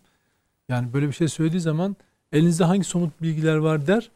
Ee, onu gazetede günlerce yazarım. Yani Kılıçdaroğlu ısrarla diyor ki belediye başkanlarımız dinleniyor. Bu Watergate'den daha Peki. büyük bir skandaldır. Ben de bir şey yapayım, parantez açabilir miyim? Aynısını işte e, yanlış anlamayın ama bu Soylu'nun dedikleri içinde dememiz gerekirdi değil mi? Aynısını dedik. Şener? Aynısını diyoruz. Ben yani o bakın onu söylüyorum. O, o, aynısını söylüyoruz. Söylediklerinin e, maddi temeli nedir? Neye dayalı? Ortaya o koymalı diyorum. Zaten Hı? Kılıçdaroğlu'ndan sadece yalan sadece bir kelime işte bir yalan şey demesi bile yeter. De bilmiyorum. Ee, bir açıklama yapmak ben gerçekten yani şöyle, onu az önce de söyledim. Siyasi iletişim bakımından yalan söylüyor diyecek bu kadar basit yani. Bunu şey siz söylediğiniz kadar, şey diye. Hani böylesi bir böylesi bir durumda onun yani, altını doldurmak gerekir dediniz. Devlet ya, mesela o yüzden söylüyorum. Bu zaten, e, bir şey olsun. Ben o e, ses, eşleşme olsun sessizlik var ya.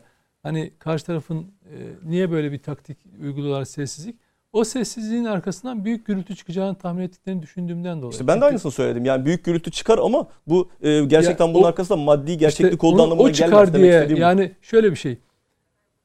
CHP'nin Amerika kale almama Amerika, gibi bir şey de. Yok yok yani. ya, o böyle bir şey kale almamazlık olmaz. Çünkü çok daha basit konularda grup başkan vekilleri falan sözcüleri çok ağır, sert, acayip e, hakarete varan şeyler, sözler edebiliyorlar. Böyle bir şey çok basit. Hani ispatlanması en kolay şey. Yani böyle bir konuşma yaptın mı? Bir, ben o gün orada değildim. Asla böyle bir konuşma yapmadım. Bitti. Başka hiçbir şey yapmanıza gerek yok. İddiasını karşı taraf ispatlamakla mükellef.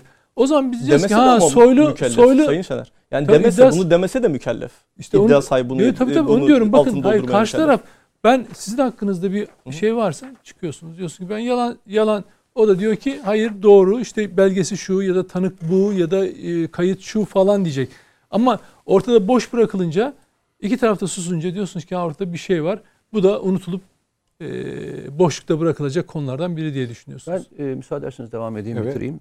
E, ilginç olan bir şey, mesela bu itham yani şeyle ilgili, e, bütün belediye başkan dilenmesiyle ilgili mesela hiçbir yerde tartışılmadı. Hani e, Millet İttifakı'nın yanında olduğunu söyleyen hiçbir gazetede, hiçbir yerde tartışılmadı. Hatta manşete bile taşınmadı. Herhangi bir konuda gündem dahi yapılmadı. Bütün belediye başkanlarının dinlenmiş olması. Sizce bir e, tuhaflık yok mu bu işte? Veya e, e, AK Partili bakanların listesinin, AK Partili bakanların listesinin, işte bakanlar ve milletvekillerinin baylok listesi olduğu söylen, söylendi. Ama mesela bunun üstüne hiç gitmediler. Dikkat ettiniz mi? Hiç, hiç yazıldı mı, çizildi mi? Ya Sayın Kılıçdaroğlu biz sizden bu listeyi bekliyoruz. Bunu lütfen açıklayın. Türkiye'nin en önemli konusu diye gündeme geldiğini, manşet atıldığını falan gördünüz mü? Veya suikastlerle ilgili, siyasi suikastlerle ilgili. Ya ben söylüyorum bunlar öyle ufak tefek olaylardan bahsetmiyoruz. Küçük ithamlardan falan bahsetmiyoruz. Büyük ithamlardan bahsediyorum. Bakın küçük itham değil bunlar. Büyük ithamlar. Ve bunların hiçbirinin e, araştırılması ve soruşturulması olmadı. Ya en ufak bir olay için bile dava açılan açıldığı bir yerde ben açıkçası e, olayın gerçek boyutunun ortaya çıkması için ben Sayın Kılıçdaroğlu'nun bu olay çıktığını ertesi gün mahkemeye başvurmasını beklerdim. Ben böyle bir konuşma yapmadım. Ee, işte tazminat davası açıyorum. Neler için tazminat davası açılmadı bu ülkede? Neler için tazminat davası açılmadı? Çok Sizce daha ufak çaplı basit işler. ya için, çok basit kelimeler için e, onlarca tazminat davaları. Bundan daha önemli bir konu var mı? Ben niye davayı şeye taşırım biliyor musunuz? Mahkemeye taşırım. Özellikle bütün devletin elindeki e, kayıtlar ortaya çıksın diye taşırım. Bakın bir kez taşındı. O da Adil Can Öksüz'dü. Bey'in, Can Bey'in söylediğine Adil Öksüz'dü. Adil Öksüz'ün konusu için bir kez taşındı. Onun dışında hiçbir şey taşınmadı. Demin söylediğim bütün o önemli konularla ilgili hiçbir şey taşınmadı. Mecliste e, darbe komisyonuna e, not düşüldü. O not hala orada değil mi? Kontrollü darbe e, şeyi meclisteki o raporu Şer. duruyor. Ama bugün geldiğimiz yerde bal gibi darbe. Bakın bal gibi darbe ve darbeyi beraber koyduk. Beraber. Ama meclisteki komisyondaki rapor kontrollü darbe. Biraz ayıp olmuyor mu? Yani biraz e, memleket ayıp etmiyor muyuz? Daha daha büyük e, e, tartışma değil mi bunlar? Bunlar daha çok tartışılması gereken, daha çok düzeltilmesi gereken konular değil mi? Zamanımız daralmadan ben toparlayayım mı? Şey, Ee, Nedim Bey de sanırım bir şey diyecekti. Ee, Ben- tabii Mehmet. Ali Bey'e de bir son söz Ha, vereceğim. Vakit bu arada gerçekten daraldı. Yani- Teşekkür ederim bu hatırlatma için Can Bey. şey ben söyleyeyim. Buyurun. Can Bey'in e, hatırlattığı gibi belki siyaseten bunu gündeme taşıyıp başka konuları arkaya plana atılmasını engellemek istemiş olabilirler. Ama yine kendisinde burada Mete'nin de söylediği gibi ben de aynı düşüncedeyim. Basit bir şekilde hiç yani cevap vermesini veya onu ispatlamasına e, mahal vermeden ya da öyle bir süreç beklemeden hukuken gidersiniz Soylu hakkında suç duyurusunda bulunursunuz. Yalan söyle, iftira Bu atıyor suç diye. duyuruda bulunmazsınız. Direkt dava açarsınız. İşte dava açıp suç duyurusunda bulunursunuz. iftira atıyor dersiniz.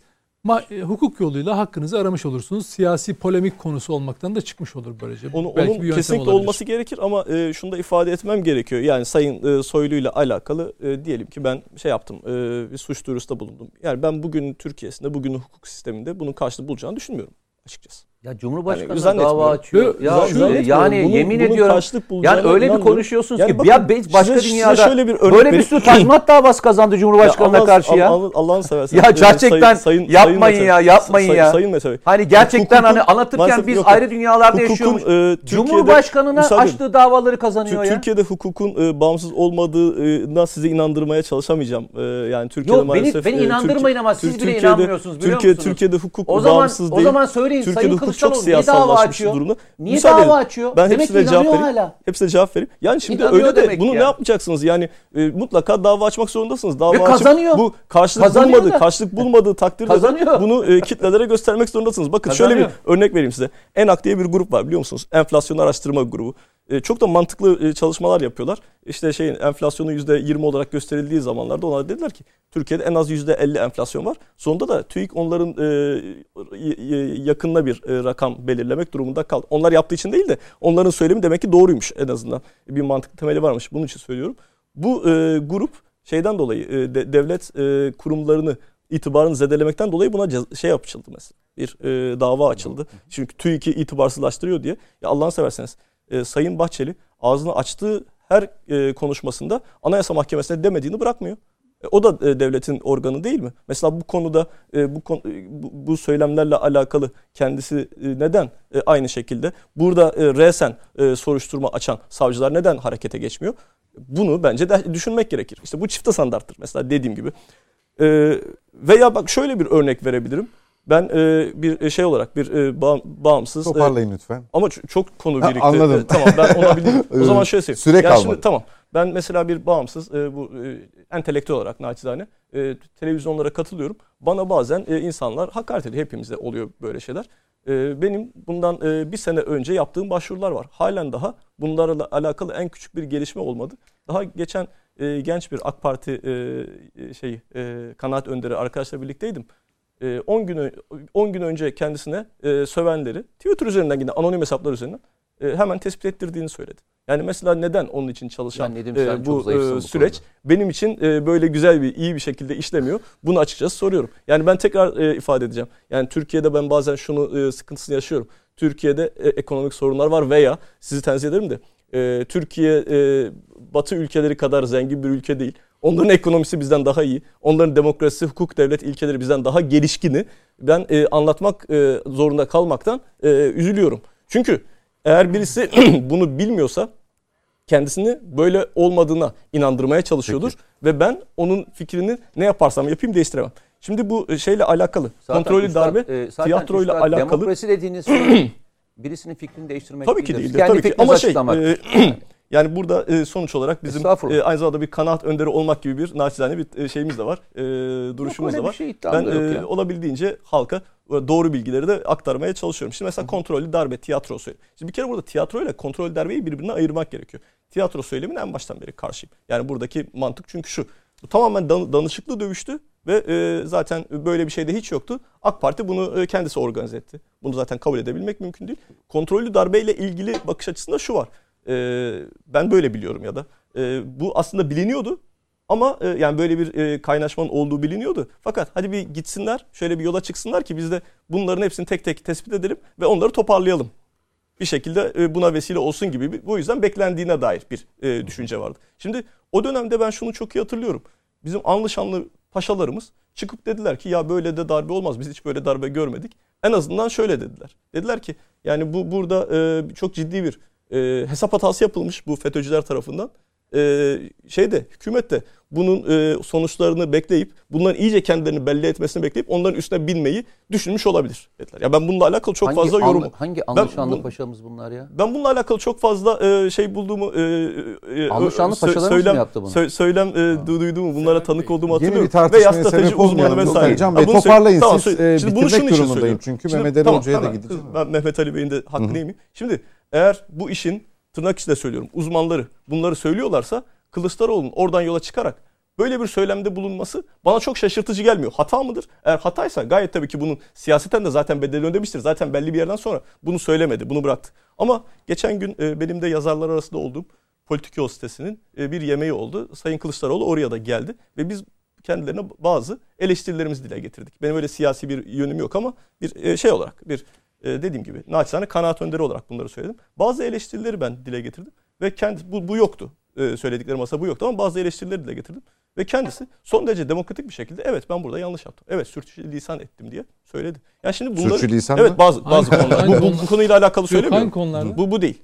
E, bana kalsın. Ya kendine lütfen. kalsın çok evet, sormayalım. E, bu, bunu şunun için söylüyorum. Yani bu siyasetçileri her zaman her söyledikleri böyle belirli bir mantık çerçevesinde bir yere oturan insanlar olarak da düşünmemek lazım. Evet. Onlar da yine hesap hataları yapabilir. Bunun e, bir şekilde eğer siz e, yanlışa e, vardığını düşünüyorsanız o noktada söyleminizi e, düzeltebilirsiniz, değiştirebilirsiniz. Çok Ayrıca- teşekkür ediyorum. Tek bir şey o zaman söyleyeyim. Tamam. Tamam. bu, bunu da söyleyeyim ondan sonra bırakayım. Dediğiniz gibi eğer e, Sayın Kılıçdaroğlu elinde bu bakanlarla alakalı bir liste varsa kesinlikle versin. Buna eyvallah. Ama yani 15 tane de önerge verdiler biliyorsunuz. E, FETÖ'nün siyasi ayağı araştırılsın diye. Bunların da hepsi reddedildi. E bir zahmet o zaman bu noktada da e, AK Parti ve MHP'de biraz daha yapıcı olsun ve bu FETÖ'nün siyasi ayağın ortaya çıkarılması konusunda e, biraz daha işbirliği içerisinde olsunlar diyorum. Mehmet Ali Bey son söz sizin. Konunun bağlamı biraz e, genişledi. E, daraltmaya çalıştım ben ama çok da başarılı olduğum söylenemez. E, size bırakıyorum son sözü toparlayıcı nitelikte. Buyurunuz. Serhat Bey, şimdi beni seyreden e, aileden ve çevreden bir sürü kişi WhatsApp'tan sen herhalde uyuyorsun, gece herhalde uykusuz kaldın falan diyorlar. Ben tabii buradaki konuşmaları dinleyince e, burada bilgisayara bakıyorum. Bilgisayara bakınca şey telefona, telefona bakınca da uyuduğum zannediliyor. E, dolayısıyla önce uyumadığımı söyleyeyim. E, iki, moderatör e, Ankara'da beni unuttu diyorum. Bir kere daha Evet. bunu söylüyorum. Ben de Şimdi onu önce alayım efendim, Bir şey söylemek Evet, isterim. gerçekten. Ama şunu da şunu da Önce bir şey bilirsiniz. şey, yayınlara katılıyorsunuz. Ankara'da olmak az da olsa biraz dezavantaj getirir. Evet, dezavantaj. E, onu da ben e, Önce savunma şey için değil tespit için söyledim. Yok. E, estağfurullah ben biraz da espri olsun diye ifade ettim. Şimdi önce burada tabii bir iki konuyu ifade etmek lazım. Bir, önce değerli konuşmacı e, dostlarım bir şey söylediler. Yani kendilerine göre herkes kendi tarafından bakarak sanki ülkede böyle adalet çok iyi işliyormuş gibi bir hava veriliyor. Yapmayın Allah'ını severseniz. Yani önce onu söyleyeyim. Biz bizi kandıralım değil. Bak başka bir şey söyleyeyim. Şu anda Türkiye'de adalet mekanizmasının ne kadar sıkıntılı çalıştığını herkes biliyor. Bunu sadece iktidar ve muhalefet için söylemiyorum. Yönetenler açısından da söylüyorum, yönetmeye talip olanlar açısından da söylüyorum. Türkiye'de e, adalet mekanizmasında ciddi sıkıntılar var. Önce onu söyleyelim. Yani genel bir ifadeyi söyleyeyim de sonra ne demek istediğimi anlatacağım. Türkiye'de bir bakan Ee, istifa çok özür dilerim. Mehmet Ali 48 Bey. saat Yine ülkenin e, mode- yine moderatöre gelecek taş ama bir buçuk dakikam var hatırlatmak istedim. En önemli Hayır bit- bitiriyorum. Bakın şöyle.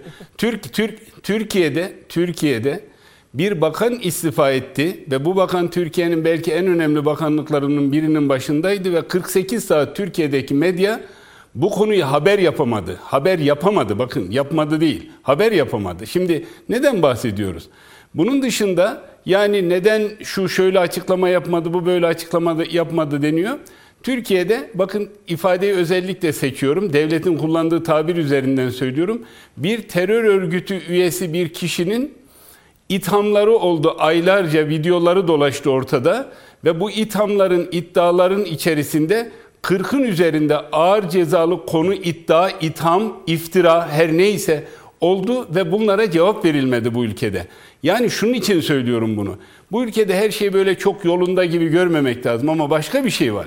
Türkiye'nin bizi şu anda işte birkaç saattir seyreden, zamanını bize ayıran değerli seyircilerimizin samimi söylüyorum meraklandığı başka konular var. Konuştuğumuz konuları bir kamuoyu araştırmacısı olarak sokakta insanlara sormuş olsak, bir kamuoyu araştırması yaptı, yapsak emin olun bunlarla ilgili vatandaş bunların pek çoklarına cevap bile vermez. Çünkü vatandaşın gündemi hepimizin bizim buralarda konuştuğumuz gündemlerden çok daha farklı. Başta geçim olmak üzere, ikinci sırada adalet olmak üzere, haksızlıklara muhatap olmak üzerine kurulu bir sürü sorunu var. Bu sorunu çözme konusunda iktidardan ve çözmeye niyetliyse eğer muhalefetten vatandaşın beklentileri var. Bu konulara bizim asıl yoğunlaşmamız gerekiyor doğal olarak. Ama Türkiye'de doğal olarak dinlendiğini düşünen bir muhalefet varsa bu son derece riskli bir konu. Elbette bu konuyla ilgili devletin yapıp kalkıp resmi açıklamalar yapması lazım. Muhalefetin de bu konuları aklına estiği zaman telaffuz etmemesi gerekir doğal olarak. Mutlaka bir dayanağının olması gerekir. Bu konuda terör örgütü irtisakı, intisakı anlamına gelebilecek baylok iddiaları normal iddialar değil. Bu konularla ilgili de mutlaka siyasi ayağı anlamında değil sadece. Bu konularla ilgili itham, it, iddia, iftira, isnat her ne varsa bunların Türkiye Büyük Millet Meclisi'nde mutlaka değerlendirilmesi gerekir. Geçmişte darbeden hemen sonra bir araştırma komisyonu kuruldu ama maalesef o komisyonun da ortaya koyduğu şeyler son derece sınırlı kaldı. Doğrusu bizi seyreden siyasilere şunu söylemek lazım. Türkiye için 15 Temmuz gerçekten çok önemli, çok vahim bir olaydır. Yarınlarda bir daha hiçbirimizin düşünmemesi gereken, asla gündemimize getirmemesi gereken bir konu. Öyleyse yapılması gereken Türkiye Büyük Millet Meclisi'nde darbeleri araştırma adına çok yönlü yeni bir komisyonun konuyu ele alıp Türkiye'nin bir daha böyle konular için asla böyle konuları gündemine getirmeyeceği bir fotoğrafı ortaya koyması gerekiyor. Bu konu üzerine yoğunlaşmak gerekiyor diye düşünüyorum. Çok teşekkür ediyoruz Sayın Kulat. Ee, bize vakit ayırdığınız için sınırlı da Hakkını helal olsa yani Ankara vallahi stüdyodan. Mehmet, Mehmet Ali Bir Bey. bir dahakine vereceğiz. Ben de vereceğim. Ee, yok ama Ankara'dan katılan her konuğumuz e, bunu biliyor. bakmasın. Mehmet Ali Bey de biliyor. Kusura bakmasın. Espriyle birlikte. Buna rağmen e, helallik e, talep ediyor e, İstanbul konukları sizden. Çok teşekkür ediyoruz katılımınız ve değerlendirmeleriniz Estağfurullah. Estağfurullah.